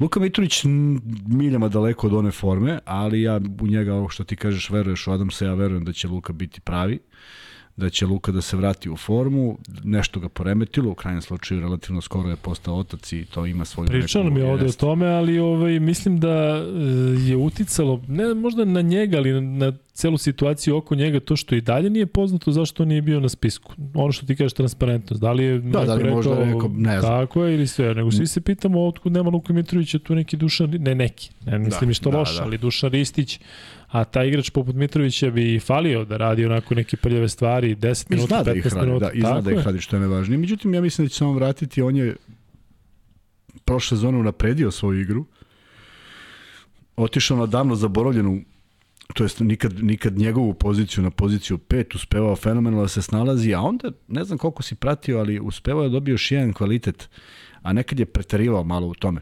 Imao je strahovito brz ajde da kažem ovo što kažu short roll, ja sad ne znam ni da prevedem, ali nije važno, posle pika se spušta kratko jedan korak u reket i dešava se mnogo puta da se okrene oko svoje ose i baca pas, fenomenalan pas u suprotan ćošak. Da, na osjećaj. E, da ali čak nekad toliko da, da ne, ne, ne poentira, nego uradi to napad. Ne. To su jako dobre stvari kad imaš šutere koji su raspoloženi, kada se to prepozna i Zvezda je tu imala jednu izuzetnu ovaj, snagu kada, kada naravno treba pogoditi kada si sam, ali i to je savladao Mitrović, tako da je pitanje vremena kada će on ući u neku svoju formu, a ovo što sam gledao u pripremnom periodu zaista nije bio na svom nivou, što ne znači da neće već, Dobro, već taj pripremni period nikada nije Ma nikada nije, kažem, šta. Po, ponovit ću još jednom, mislim da sam rekao, te utakmice da su se i onda snimale, mi bismo se krstili ko kako igra, prosto da. to nisu merodavne utakmice, a ti ih prikažeš na televiziji i deluje kao stvarno ozbiljna utakmica. Prvo, stvarno su tu treneri dolazili namenski da probaju nešto što moraju da strate, da li možda prođe ili ne prođe. I oni urade 10 puta, ti više oni 10 puta izgubili loptu na isti način. Pa nije, to je ideja, to se radi tada, ne radi se kad dođe sezon. Tako da malo je varalo to sve i nisam nisam ja baš toliko siguran da neke stvari funkcionišu, a da neke ne funkcionišu, ali vidjet ćemo koliko sutra prva prava provera jer uh, uz svo poštovanje MZT u jednoj ekipi koja želi da malo ostavi utisak u Jadranskoj ligi, ovo što sutra čeka Zvezdu je druga dimenzija. Ali vidiš, kada smo pričali o ABA ligi i Zvezdi, da rekli smo da je idealan protivnik MZT zato što je nova ekipa, novi trener, pa da startuju pobedom, a onda imaš takav kontrast. Imaš, ima, imaš ali, dva ali, da, ali znao si, da, znao si da imaš takav kontrast Rečili i samo je bilo bitno, vidi, i ono što je najbitnije, to su pet izgubljenih lopti i, i čudno, čudna stvar da su naskakani. to, si, to je da, trebalo to, bude... To, to nećeš moći nikada da skapiraš. Ne mogu, ne mogu, ja prosto... Ne, vidit ćemo kada se bude igralo u Skoplju, da li je to stvarno neka slučajnost ili nešto, jednostavno se tako Ne, desi. hoću da vidim već sutra, ako Zvezda zatvori da. reket ima 21, ovi 20 skokova i Zvezda gubi 15 razlike, nemam problem, ali jedna stvar je dobro urađena. A ne ni jedna stvar da ne bude dobro urađena. Znači, Zvezda mora da traži u utakmicama ovakvim utakmicama, mora da traži kako da poboljša kvalitet svoje igre. E... I to možeš i u porazu. Ja moram da se vratim na Petruševa, zaista bih volao da on u jednom trenutku odskoči, a ako treba da bude to taj moment da bude protiv bivše ekipe. Tako da mislim da će Boboa biti veliki problem sutra, zato što ne vidim ko bi možda mogao da ga iskontroliše u odbrani, daj Bože da grešim. Ali dobro, Vanja, možda da zatvoriš ovaj pol pa da vidimo šta ljudi kažu, da li je Efes ili Zvezda. Dobro, fore ovo Vene, to je oni što je pisao zbirku zadataka iz matematike. Vene Bogoslava, tako je. Ko je to? To je neko ko je zaradio matematiku. E, šta? E, tu imamo. Vene nas napada sa svih strana. Marko Vene, Blažić kaže to. Vene je predavao dok sam ja išao u školu. Predavao gde? Po peti. Predavao tebi? Pa da. Ne Ozbiljno? meni, ne meni, ali razredu do. Aha. Um, šta kažu naši, kažu 56% Efes. Kuzma, pamtiš prvi fiks nam je Kec na Efes. Ja ne mogu s tim da se složim nikako. ali bitno je da pamtiš. Viš kako ovi naši deluju onako, ovaj, deluju realno. To volim kod vas. E, ajde Vanja stavi jedan pul onako za moju dušu, a vi ljudi udarite neki like, 138 lajkova, 300 ljudi u, u ovim u polovima i, i 700 i kusur u, u live. Pa da, jesmo, ali zato što kad smo držali papir, ja mislim da do dan danas ne mogu da se oporim od onog papira, od like što piše, ono što imac, ono piše like, ali stvarno ljudi lajkujte, čak da, ih, da kao sad naši neki ovaj, onaj, da ih kao sad ja zavaram izmanipulišem kao lajkujte, pa ćemo onda da imamo free bet, a kad budemo imali free bet, onda ćemo da u svom slučaju lajkujte, da ne igramo dalje ovaj, ovaj ples. E, E, stavi pol, da li ima više zvezdaša ili partizanovac? To je baš zanimljivo. Luka, iskreno mišljenje bih volio da dobijem da li Raduljica može da pomogne Zvezdi i ako može koliko. Može sigurno ako je Raduljica Raduljica. Dakle, videli smo sa Kuzmićem da i tekako ljudi mogu da se vrate posle svega. Tako da svega i svačega. Tako da samo opušteno, samo lagano, da vidimo, nisu ga sigurno potpisali, a da nisu znali šta mogu da očekuju njega. Treba će mu vratno neki period da se vrati, zato što ja ne pamtim poslednje utakmice koje ja pamtim Kuzmić je kada sam ga prenosio u Kini.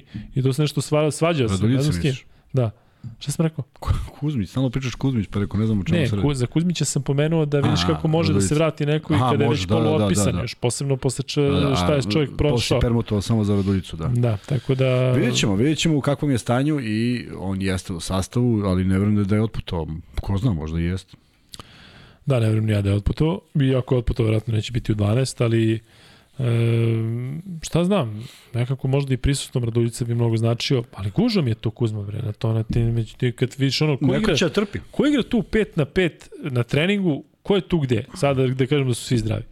Šta igraju? Martin i Bentila, Raduljica i Petruše, pa onda tu ubaciš malo Ilića, pa Mitrović je tu. Ko, kako se deli to? Velika je, tu, je gužva, velika je gužva. Pa to je ono što smo pričali, opet, pričali smo ti i ja, pričali smo i danas, veliki broj igrača u klubovima. 16 je registrovano u, u, u Realu.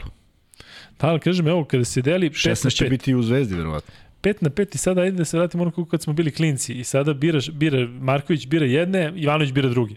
I sad kao ovog ću pa ću pa izabereš Raduljicu ili izabereš Petrušev, ne treba ti više niko. Gde ćeš sa ovim silnim Martinima i Bentilima? Ja, mogu ti kako su se mi birali. Ajde, Arački, Barački, Ković. Nije Arački, Barački. Bilo je nešto što se zvalo, ja bar mislim da se zvalo Bušambaši. Bušambaši? Da. Da, poznati meni. I sad tu je bio Pera Praščević kao glavni birač, pošto je on bio najbolji futbaler, i u protivničkoj ekipi je neko drugi tih godina, i onda oni biraju sve nas klince. Ti izabereš svog druga zagrlite se, odete tamo jedno 10 metara i onda se podelite i kažeš ko hoćeš da budeš od poznatih futbalera. I tad su bili, na primjer, Kigen, i Kevin ne znam, Keegan. Da, Kevin Keegan i ne znam Rumenigi. I onda se vratiš i pitaš koga ćete, Rumenigi ili Keegan. I onda on kaže koga hoće i koje ime. Vrlo poštena podela bila. I? Pa tako smo se delili. Pošteno? Pa da, pa ne, ne znam ko je. Da. Izgovorio si tamo, ne može da zna. Kapiram te, I onda su ekipe, kako treba, i onda su ekipe bile, da, i onda su ekipe bile da. kako ti je kako te zadesi. Eto sad si dao Vladi Jovanović. Tako se delite deco danas. Da. Vlado, e. napravi bušembaše i ko dođe prvi. Evo, dobili smo lajko, to je baš lepo. Vanja, da vidimo... Hoćeš Kigen ili Ruminigen? Zagrle se Bent ili Hasan. Bent ili Hasan. Ja mislim da će do kraja sezone, ako ostane, da će ga zvati Hasan. Pa što ga zove Martin? Hasan. Hasan se zove. Kako što da ga zoveš Hasana, što ga zoveš? Pa si zvao Cirbisa Mike? Jesam uvek. Ja? Mm -hmm. Da. Ili si zvao Kuzmića, kako si ga zvao? Kuzma. Ogi, jel? Ogiša. e, Luka, da li si nabo nekog u Americi? Nisam. Nisam, tamo sam bio prilično miran. Što se tiče tih nekih e, nabadanja, radio sam drugi gluposti. Vidim da ovde pokomentarišite taj podcast koji je izašao gde sam pričao svemu i svačemu i da tu su te vezuju kao te stvari Utah Jazz i Carmelo Anthony, to su toliko beznačajne stvari zato što Utah Jazz u smislu uh, E, tada su svi beli igrači koji mogu da šutnu bili interesantni, sa svima se pričalo i verovatno pored mene se pričalo sa njih hiljadu. Ovaj, tako da, e, a druga stvar je da što se tiče Karmela, to je zaista trajalo toliko kratko, a ja ni dalje nisam imao predstavu koja je ono što smo ti pričali, melo, melo, melo, meni to delovalo ono, i to je bila neka utakmica gde su bili izmešani timovi, uopšte nismo ni predstavljali, ja mislim, naši koleđe, ali eto, bilo je to. E, znam da sam dao jedan koš, ali ubedio sam sebe da sam dao dva. njemu, tako da mislim da sam sebe slagao da sam dao dva koša, ali mislim da je bio jedan. Ove, I to je to. E, sada ću vam reći sledeću stvar, da Vanja može da zatvori ovaj pol, pa da vidimo gde smo. 58 50. zvezdaši, Partizanovci 41. Pa mislim da to nije čak ni realno odnos u smislu da, da više ima zvezdaša generalno od 58% u Srbiji. Sad kad se svi izjasnili. Znam, ma ne znam. Ma znaš, on kao u razredu, pa kao jedan partizanovac u stvari on. Ali sviđa mi se te odnos. Ne, ja sam e, shvatio po porukama i to se ljudi potpišu. Znaš ti koliko je ljudi poslalo meni poruku za Jenkinsa? Pozdrav od grobara, pravi Tako, čovek, pravi ovo, pravi ono, svo poštovanje. Tako da to su normalni ljudi koji gledaju na taj jedan način koji, koji, na koji treba da se gleda, sve ostalo nije mnogo važno. U krajnjem slučaju mi smo nekako napravili da to bude neka, neka teška drama. Spanulis prešao iz Olimpijakosa u Panateniku, iz Panatenikusa Olimpijakos. Da. Um, I postao ikona Euroligi. Da, da. Mm, e, ikona, prava ikona. Vidjet ćemo kako će izgledati to u peristeriju. Vidim da je nešto komentarisao da ljudi dolaze kao zbog igrača, ne zbog njega, ali sastavio je zaista dobar tim. A da Na, da ne znam, nešto sam gledao, nisam baš odušljen kako je on to vodio. Čekaj, Švenček. Ko, Spanulis? Da, igra je Gorović u Peristeriju, ali Spanulis igra u Marusiju. Kao klinac igra u Mali u Marusiju. Pa znaš da je pričao Oliver Popović, kaže klinac, Vili, ovaj, u Spanulisu. E, e sad, vreme je da pređemo na Partizan, na veliko Kuzmino zadovoljstvo. Ajde. I na zadovoljstvo naše publike. Baš da im kako će se sada radi. 758 imamo u live-u i da će dođe do 1000 sada kad pričamo o Partizanu. Hoće. Jer ja pričam pa, nego šta će? Alba, Partizan, Kuzma. Kada si prenosio Partizan na sport klubu te prve sezone tvoje, kada Partizan igrao Euroligu, kako je igrao protiv Albe? se sećaš? Ne znam da li bila Alba, bila Alba. Trebalo bi da je bio. Ne, ja mislim da nije, jer Alba je došla da igra protiv Zvezde, Alba je bila da igra protiv a, Zvezde jest, sa Obradovićem. Jeste, jeste, jeste. Nije bila jest. Alba, sigurno. Možda je bio Bamberg. Bamberg, Bamberg, pa da. mogli su Nemci da imaju jednu predstavnika, da, Bayern da, nije, nije bila, nije bila Alba i tada je Obradović došao u Pionir, toga se sećam. Međutim, utakmice u, pionir, u Partizana u toj sezoni su bile fenomenalne.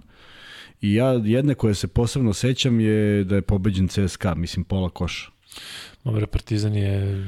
I bilo je fenomenalno. Bilo... Cela sezona je bila genijalna. Mislim, Partizan je igrao dobro, naravno, uvek je bilo nekih ko, koji me nešto zasmetalo.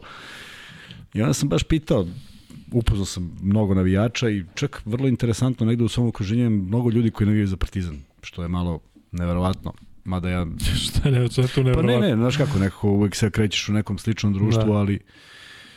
I, ovaj, I onda je bila neka, neka situacija da je bilo svašta nešto, neke prozivke i pretnje i čuda i Prosto nisam znao kako da se postavim. Pa Tebi? Sle... Da. Gde? Ali u, sad, u, uživo. Uživo, mi smo uživo. Znaš kako smo radili?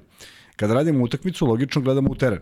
Međutim, da bi napravili malo, znaš, da bude drugačije, mi sad okrenemo prema publici. I ja se okrenem i stavljam slušalice i odjednom dva čoveka ispred mene i... A što znači ispred tebe? 2 metra ili 10 metara? I ograde? 3,5. 3,5? Da. I dave kolju i svašta čitaš sa usana. Ne znam. Kad si tek počeo ili ne, ne, si možda nešto već prokomentarisao? Ne, ne, poluvreme, pa. Da. I sad ja gledam, i veruj mi, mislim, deca mi moje, ja ovako gledam i okrenem se da vidim kome oni to mašu. Jer, ne, jer ja ne mogu da shvatim kako, kako uopšte mogu da znaju šta sam rekao uživo u prenosu, jer utakmica traje. rekao nešto, bilo neka Ma jok, slušaj, ma jok. I dave oni kolju i sve to bi malo neprijatno, jer ne, na, naš u kom smislu je neprijatno. Zašto nemaš da ja gledaš? Kamera mi je ovde, a oni su iza. A ja sam mogu sedim ovako i da ne vidim. A izvini, uglavnom su to neki onako sredovični tipovi, tako? To je ne, ovo su, 40, ovo su čak koje znamo iste ljude, ali oni tad nisu to znali. Aha. I sad, tu je bilo malo neprijatno, ovaj, u smislu, dok, dok sam gledao njih, kad smo nastavili da radimo utakmicu, sve je bilo normalno. I završena utakmica, ja odem kući, izađem iz arene dođem kući i sad sledeća utakmica i eto su oni, ja došao sat vremena ranije, eto su oni na istom mestu. I ja priđem jednom i kažem ćao, on kaže, došli si da mi se javiš? Da rekao, da. Pa kao, imaš, imaš petlju. ja kažem, čekaj čoveče, o čemu se radi? Aj, molim te mi rekao, objasni, o čemu se radi? Šta je tebe I on, a u, u tim momentima su vrlo smireni i fini, uopšte nisu... Pa kaže, ti si rekao da je suđenje protiv Bamberga bilo dobro. Sad moram ti vratiti malo memoriju. 14 razlike Partizan imao suđenje, uh, vodstvo protiv Bamberga u Nemačkoj. I izgubili su dva poena na kraju, sobstvenim greškama. Srđan i ja u poluvremenu konstatujemo da je bilo fenomenalno suđenje. I ne shvatam, ne shvatam, ja sam tek tad počeo da radim, ne shvatam da to nismo rekli u programu. I ja se nadovežem i kažem da, bilo je dobro suđenje. U stvari, to smo i ja i Srđan konstatovali. Ja kažem, dobro, rekao, jel stvarno misliš da nije bilo dobro? I za šta si još rekao? I ja rekao, šta? Samo da se niko ne povredi, kaže, a Milosavljević se povredio. Ja kažem, si ozbiljan i to je, to je da ti meni... A oni su sujeverni, znači... Neverovatno, ne. Pritom, pritom na toj utakmici konkretno nisam ni mogao ništa da kažemo da oni čuju jer idemo u program. Ne nose valjda ljudi slušalice dok, dok navijaju. Tako da to je bio taj jedan moment, završila se sezona, bilo je sve super i pravo ti kažem, toliko mi je drago što sam ulazio. Prvo sam ušao... To je ta posljednja sezona kada je Zvezda osvoji labu tako, i onda od tada Zvezda radi igra Euroligu. Bilo je pitanje da li hoćeš da radiš Partizan. Što znači, da ovo ti je, tebi je ovo 9. 10. sezona. Na pa ja sam došao 2014. Znači, računaj kako doćeš 9. Da. I, ovaj, I mene su pitali da li bi Ja kažem zašto da ne, jer prvo ja sam bio povučen iz javnosti mnogo, faktički od, od kad sam prestao da igram i niko nije ni znao ni gde sam ni šta sam. I znam, sećam se prvog dana kad sam ušao u pionir i počinje prepoznavanje, znaš, i počinje onaj žamor. E, ali treća utakmica, kako prođem, ista ekipa ljudi, Kuzma, znaš, stvarno fini ljudi, nikada niko ništa dobacio, nikad ništa, jer ja to nisam radio navijački, nego sam radio, to je klub koji igra Euroligu i koji zaslužuje svaki respekt i ja ne mogu navijam za protivnika. Šta se kažem, kako CSKA fantastično igra, našo kome, kome briga. Tako, pogotovo što je tu bilo mnogo igrača koje sam znao i koji su na neki način, ajde, i, ne na neki način, moje kolege. Prema tome, jedna jako dobra sezona i, ovaj, i meni je bila onako veliko otkrovenje jer sam naučio neke stvari šta, kako. Posle je došla Zvezda, da nije došla Zvezda, verujem da bi radio Partizan. A ono što, kada sam ja ono na početku gledao komentare i što ti možda ljudi kažu, jel imaš ti osjećaj da isto pričaš Zvezdi i Partizanu? Potpuno. Ti kao ti. Potpuno. Neko ko bi mi rekao drugačije morao bi da mi dokaže ozbiljno. Zato što ja... Govorim, govorim o nekoj e, vrsti e, emocije. Mm, ne, ne, vidi, prvo mora da znaš, ja sam čovjek koji je igrao pred 17.000 ili pred 1000 sa istom emocijom košarkaškom. Možda sam bio malo, malo autističan, ali prosto mi je bilo svejedno da li me gleda četiri čoveka ili 4000 ili 4 miliona. Ne, nije, isti, nije isti osjećaj, ali ja sam tako igrao. Drugo, uh, emocije, ako neko se seti kako sam igrao, ja nisam imao neki izraz lica na nikad neki uh, usplahireni ili neku emociju pokazivao. Bio sam uvek maksimalno fokusiran i to, na to sam ponosan, zato što o tome mogu da raspravljam sa mnogim igračima iz svog vremena. Uh, Da li sam bio lošiji u levu stranu? Da. Da li sam bio lošiji u nekim stvarima? Da. Da li sam igrao odbranu od mnogih boljih, od, od mnogo mojih konkurenata? Jesam. Da li sam razumeo košarku bolje? Jesam. Da li sam bio bolji timski igrač? I to možda jesam. Dakle, imam jedan stav, ali nikada nisam pravio razliku ovaj, u prenosima i tih prenosa ima možda negde snimljeno, pa neko može i da uporedi. Um, Osim onom momku koji me zvao. Koji te zvao? Koji je poslao poruku. E, a, ono je znači. Ali bio neki majm pao, jel? A? Nije, nije, nije, ne, nije. Ne, nego majm neki i za to je pao. Nije, nisam vidio. Nisi vidio? Ne. Pa ti si mi poslao, kako nisi vidio? A, jesam, da, da, da. Da, da, znači da, nije vidio, majmun, čovjek, da, da, majmun, poslao, da, da, da. a nije Da, da, da. da a čekaj, šta je mislio on? Znači, on, nisam shvatio, baš neverovatno, ali šta je on mislio? Ti, znači, Zvezda je izgubila, ti si kao hvalio i onda ti on kao rekao, Alo Majmun je Zvezda je izgubila, je li tako? Ne, ne, Majmun sam ja što navijam za Zvezdu, a, a srećen je što je Zvezda izgubila. Izgubila ti zvezda, meni izgubila zvezda. Aha, taj kontekst. Da, da, da. Alo majmun, ali ja sam baš ovako... A kako je rekao prošli put kada čitao sad ja čekam, kaže, ne, ne, kaže, jeli majmune izgubila zvezda. Ali ja sam razumio da je si tipa ti rekao kao sve je super, a zvezda izgubila, ne, pa to on sad kao podsjeća. Ne, nego ja sad da me, da me on... Da me, da me on... A ovaj konji, alo konji prevod. Alo konji prevod, pa to je. Nekad si majmun, nekad si konji. A da, što ti kažeš, to su verovatno... Znaš šta mi je rekao drugar? I koji dobro, e, jako dobro rezonuje stvari i uplašio me prošli put. E, stariji od mene. ovaj, i rekao mi je, kaže, plaši me se ovo, ne plaši me se ovo, ne dopada mi se se ovo sa Rusijom i Ukrajinom, on nikada tako ne, ne, nema takve neke reakcije, samo je to rekao, Prete, ja ga gledam, rekao, on, pro, Spakao se. Ali ovaj, on mi je rekao jednom, kaže, što više imaš tih to si moćniji, to si bolji. Dok te svi hvale, imaš sada 200, 500, 1000 ili već koliko kažeš, što je više tih što hoćete kanale, botove ili svega čega god.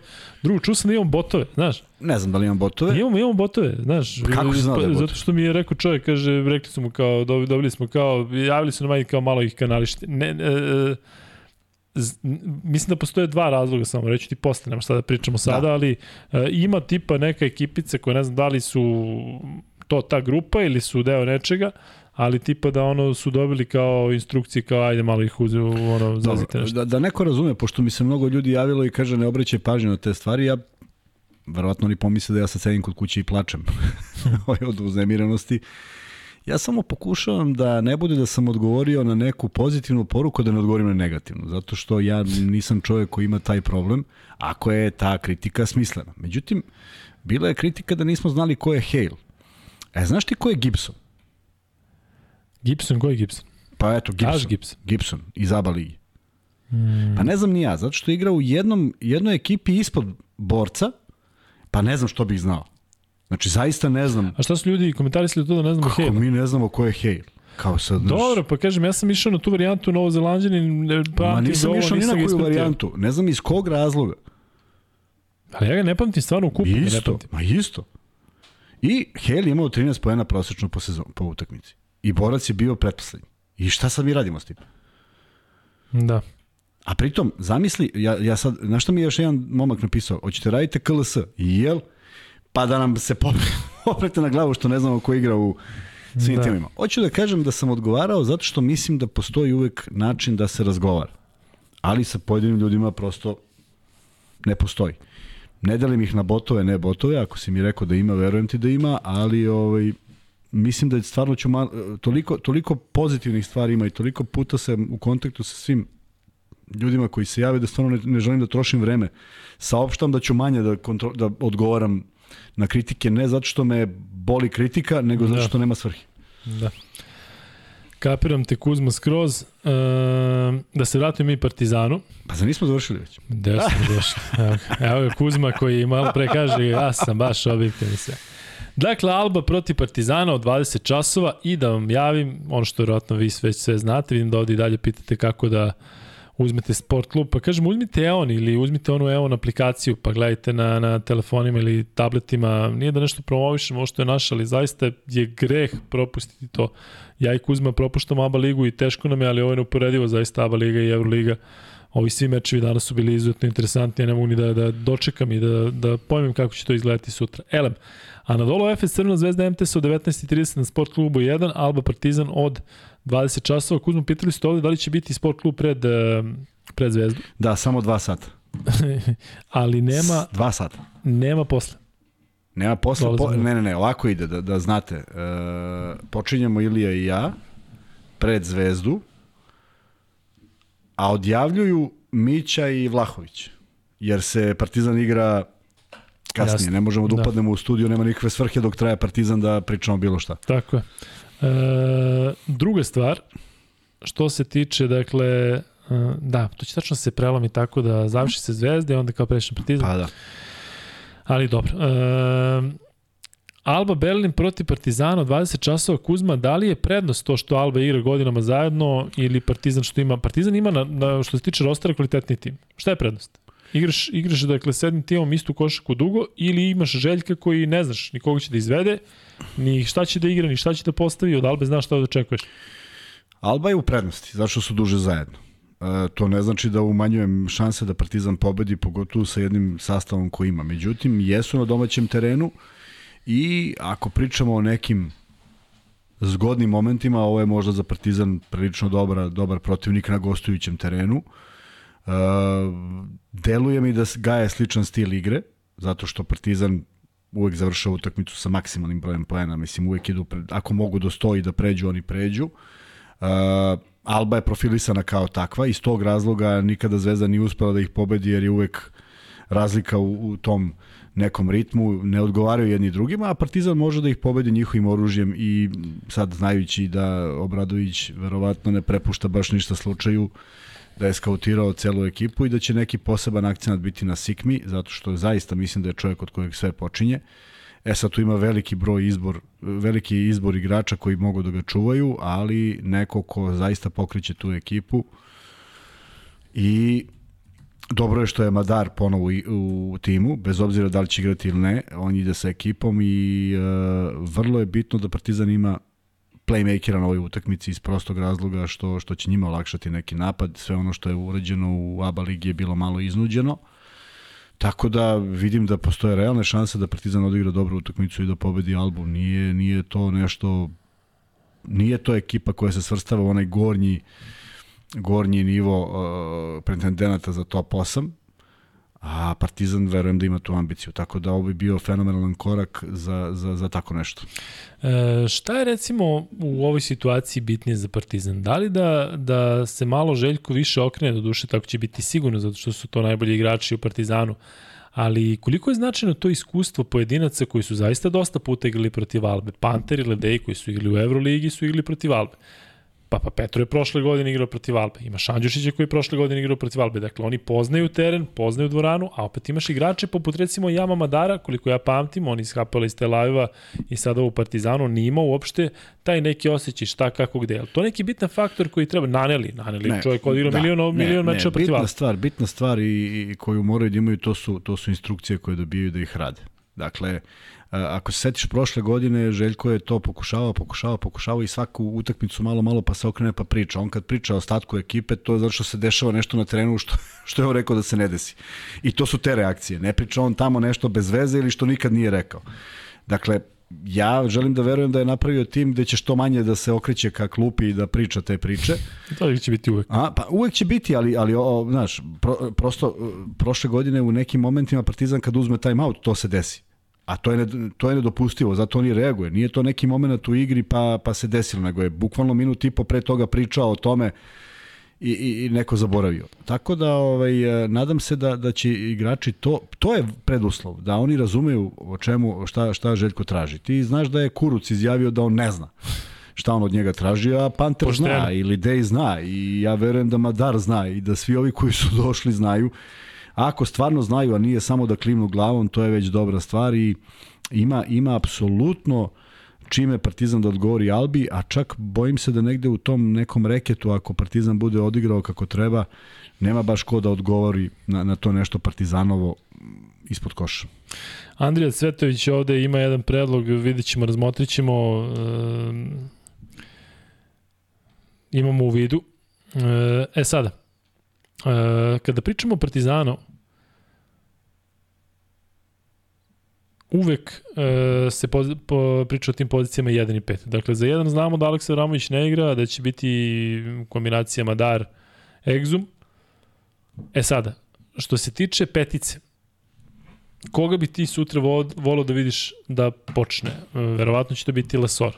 Ja bih volao Lesor, samo da pokaže čvrstinu, da zaustavi prodore na, na početku utakmice, da, da, da bude ono, ono što on jeste. Ali apsolutno želim da vidim i Koprivicu koji prosto mora da, da uzima sve veću minutažu, ne ono neki, neki moment kada je veliki rezultat ili je Partizan u minusu pa on sad igra, nego da igra što ozbiljniju ulogu, ali da, Lesor da počne sa većim iskustvom, čovek koji zna kako da zatvori reket, koji zna da, da se postavi, koji kad udari zaboli, i da jednostavno odbace te neke neke napade Albe na početku utakmice, mada Alba zaista ima šutere van serijske koji šutiraju iz svih pozicija i ako ako urade, ako naprave dvosmero da, da probuše i reket, onda je stvarno Partizan u problemu, nadam se da neće, jer uh, cela spoljna linija Partizana je podjednako brza i kvalitetna, imaju čime da odgovore. Dakle, i kada su u punom sastavu, žao mi je što Avramović nije tu, jer, jer zaista on donosi tu potrebnu energiju. Ja mislim da bi on sa tim gipsom doneo dovoljnu, dovoljnu energiju, ali povreda je takva da ne treba rizikovati. Prema tome, jesu malo, jeste malo skraćeno to s polja, ali ajde da vidimo kako će, kako će reagovati Partizan sa svojim prednostima. Biće interesantno ih. kada uđe ovaj krajst komađe, pa onda dole njega i Balše Koprivice. S tim što je da, Balša naravno tu niži i sve, ali kvalitetniji i onda kad krenu oni ono liki da se, da se jure. E, uloga Tristana Vukčevića. Da li sada posle ovakvih pripremnih utakmica i odličnog meča protiv Cibone ipak jeste realno da on ima mnogo manju minutažu ili će možda da Željko njega da, da, da ga proba pa ako krene da ga ostavi malo duže? Da li će ga probati kao starter ili će ući potpuno svejedno? Samo da zna da ovo nije utakmica koja rešava neki njegov status. Da. Dakle, ništa se ovde neće promeniti u Željkovom viđenju Tristana Vučevića, pa čak ni nas koji to posmatramo sa strane, prema tome ne može sa svojih 30 pojena neće ništa dokazati kao ništa sa svojih tri neće dokazati, eh, ali da bude jedna odgovorna igra, žao mi je što nisam gledao utakmice pa da mogu da znam i odgovor na to koliko je on sada na terenu odgovoran u onome svemu što radi, a to mislim da Željko traži i od njega i od najstarijeg i od najmlađeg, potpuno sve jedno. Tako da eh, eh, kvalitete koje ima, ima, ne treba da forsira, ne treba da bude junak utakmice, treba da uradi ono što trener od njega traži. Deluje da je pametan momak, ima na koga da bude pametan, otac mu je bio odličan košarkaš, prema tome e, samo, samo polako eksploatisati, jer ništa se ne dešava u ovom periodu senzacionalno, duga je liga, treba trajati, treba igrati konstantno i to je nešto nedostaje mladim igračima. On ako to uspe, to je već fantastičan potez.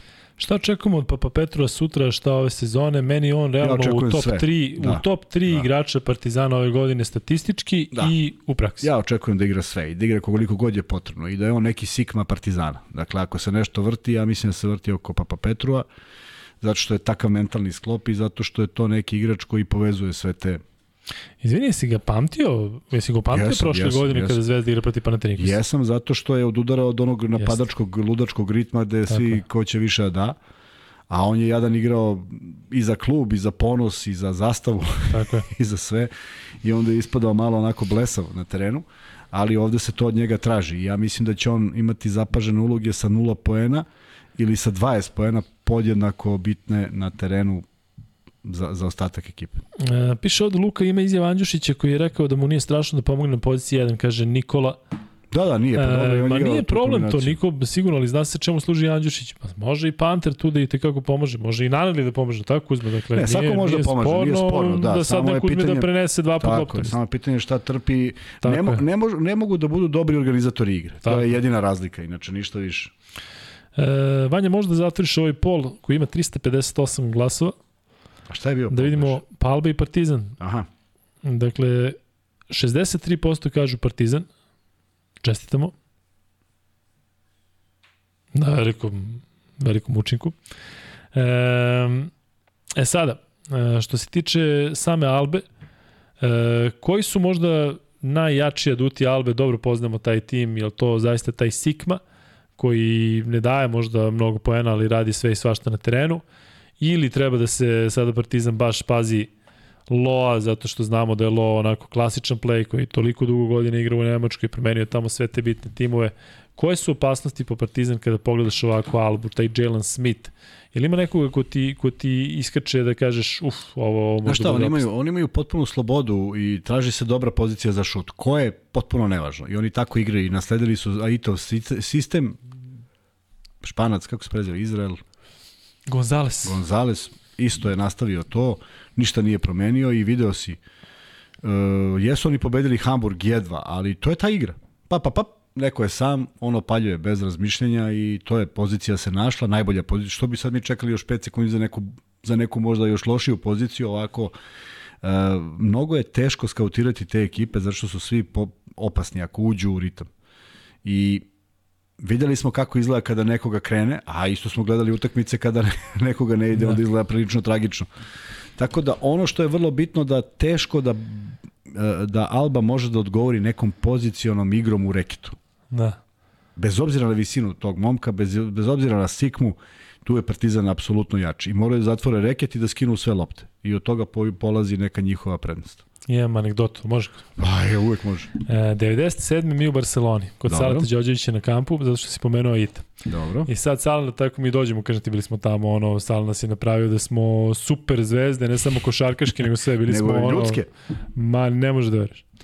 I e, sad potpuno digresija odatle, e, mi koji nismo imali leba da jedemo, i sad noću, ogroman taj olimpijski kompleks, imaš one automate koji danas imaš svuda, koliko smo mi ono tresli Mi li smo upalo nešto, a? tresli, mi smo, pa ne, ne da je ispadalo, nego ništa nije ostajalo tu.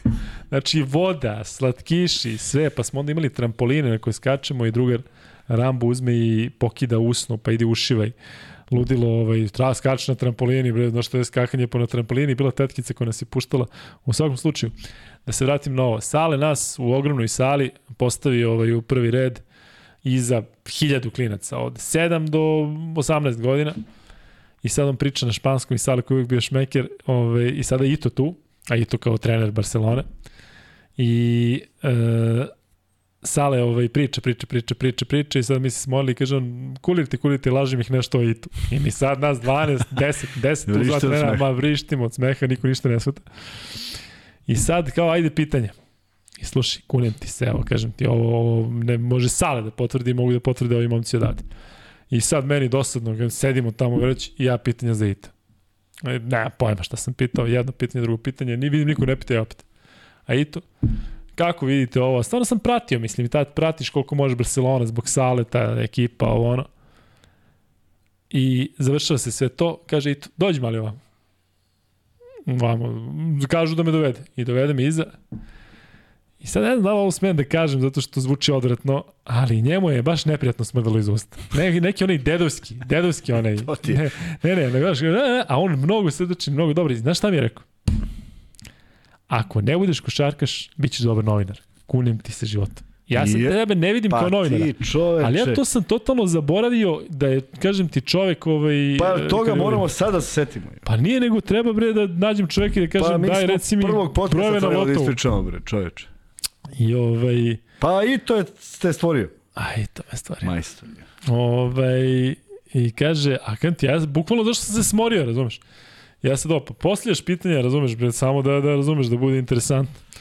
Eto, to je moja anegdota sa Itom, koji je meni tada zaista delovao mator, a to je bila 97. godina leto. Znači, 25 godina Čovjek bre bio ono, kažeš, polu deda je. Vodio Albu do pre dve sezone. Svaka mu čast, zaista. Ove, Imamo jedan pozdrav iz Niša. Šta kažeš? Uzmo pozdrav od kumova botova iz Niša. Mi smo tvoji botovi, eto. Eto, vidiš. To su naši botovi Nišlije. E, I eto, što se tiče Albi i Partizana, to je otprilike to što smo pokrili. E, mene zaista zanima kako će Partizan da otvori taj meč. Ako se sećate prošle godine, stalno se vraćam na taj duel protiv Hamburga. Partizan otvara Evrokup u Nemačkoj sa Željkom, ludilo, navijači tamo, očekujemo i sutra puno navijača. E, ali mislim da je jako bitno kako će Partizan ući u tu utakmicu. Dakle, jako je bitno da Panter e, pogodi neki šut, da ne bude neki jurnjave. Ne vidim Partizan kao ekipu koja sada prvi, prvi meč u Euroligi juri se 12 razlike i sad kao sve nekako deluje dobro. Nego odmah da nametneš svoj ritam i da, da držiš to do kraja. Apsolutno, slažem se da da bude da bude ritam igre Partizana. Koga nametne, uh, uh, on je u prednosti. Uh, Zvezda utakmice koja je pobeđivala u Euroligi unazad nekoliko godina, kad god izađeš ti vidiš šta se desilo u tih prvih 10-15 Tako je. minuta i ko, ko drži ritam i onda znaš da su ti šanse veće. Na gostujućem terenu to je jako teško. Ono što Partizan treba da izbegne to je da uđe u problem sa faulovima. Dakle, cela ekipa ili štema ili niko ne štema. Ako štemaju, moraju da nametnu takav ritam. Kad sudije procene da je svaki igrač koji je ušao, 5 plus 5 koji su ušli u istom sistemu i u istom raspoloženju, prestaju da duvaju faulove i onda si nametnuo neki svoj ritam prema tome sve je otvoreno, samo da ne izgore jer ništa ne menja ova utakmica. Dakle, ovo je samo otvaranje da ne bude e, da- da ne bude nešto slično energetski kao onome protiv Burse, jer to je bilo biti ili ne biti. Ovo nije biti ili ne biti, ovo je jedna liga u kojoj možeš da napraviš kikseva i da se vratiš. A, a, protivnik pomeri, ali da se razumemo, ako Alba slavi, uopšte nema, to nije neko sad spektakularno iznenađenje ili nešto, prosto ljudi igraju na domaćem terenu i standardi su članovi Evrolige i ovi momci se znaju prema tome i Partizan teško da može šta da izgubi. Ima lakšeg protivnika da može da dobije više, a Zvezda ako dobije, dobija mnogo, jer, jer stiče samo pouzdanje. Tako da, ja želim obe ekipe da naprave, da imaju dobre utakmice, da bude malo tih nekih grešaka, da ako se izgubi, izgubi se što je protivnik bolji, što je legitimna stvar, ali da odrade ono što su njihovi treneri zamislili, jer od toga zaista mnogo znači nastavak sezone. Koliko god glupo zvučalo, to je jedna od 30 i nešto utakmica, ali znači. E, da, e, treba da kažemo e, sledeću stvar. Nešto sam hteo baš pametno da kažem, ono, neviđeno pametno, dakle. Da, ajde da prognoziramo malo. Šta očekuješ Kuzma? Evo ja imam, imam možda prognoziraj bilo šta što se tiče Partizana kada su već ovde ljudi prognozirali ovako. Znaš šta ja prognoziram? Evo da imamo da će sutra budemo pravo. Jedno ludilo. Znači da igramo, potpuno se igramo. Otvorna tema, slobodna, slobodna tema. Da će Partizan dati 27 pojena u prvoj četvrtini. Neko Uje. mi se javlja. Sad ovo sa Itom je nekako sada uvelo u taj ovaj se. Imaš ti neku prognozu da kažeš neko će sutra da odigra? Ne, ja inače, ja inače slabo se kladim, a i kad se kladim... A kako klađe, nema veze s klađenjem, kada postoje, mislim... Ne, čak i pa prognoziram, zato što uvek idem nekom... Logično. Ne, logično, baš ima emocije u nekom, znaš negde nešto volim, pa volim da taj neko pobedi, pa pročitam na igri 18 igrača, ali ja i pa dalje... Pa nećeš veću emociju da Partizan daje 27 po u prvoj četvrtini. Ne, to, ne, ne, ne govorim o tome, nego o konačnom ishodu. Ja čak ne bi ni dao neki predlog na Zvezdani Partizan, jer on nije smislen mnogo. Uh, sve, sve do sada de facto navodi ka tome da su favoriti ovaj, Efes i Alba, ali ja zaista verujem i ja to ne pričam kada pričam u programu, ne pričam zašto volim da budem interesantan, nego zaista mislim da Zvezda i par utakmica koje sam komentarisao zaista su i pobedili na gostovanju, ali je to bilo posebno izdanje. I ti vidiš, e, kada ekipa izađe na teren, ti vidiš posle 10 minuta da li to ima nekog da li ima neke šanse. Prema tome, i jedni i drugi da otvore utakmicu dobro i da odigraju dobre utakmice i ja sam zadovoljan, ako mogu da pobede, fenomenalno. Evo, Marko Topalović je ušao u ovu, ovu imaginarnu igru i kaže, prognoziram Andjušić jedan od sedam trojke sutra. Eto, prognozi. I znaš šta mi se javlja? Javlja mi se neko kucanje Lesora, neko kucanje da, da će 14, bude najbolji. U 14 najbolji, minuta 17 sekundi. Najbolji potez Meni se javlja u tom kola. periodu baš negde. Eto. E, toliko što se tiče Partizana, nemojte se ljuti što nismo stigli da odgovorimo neka pitanja, možete da ih postavljate sada. Vidio sam da je Boriša pitao da li Trae Young možda bude MVP ligi za mene i za Vanju, ali to je, ćemo pričati posle.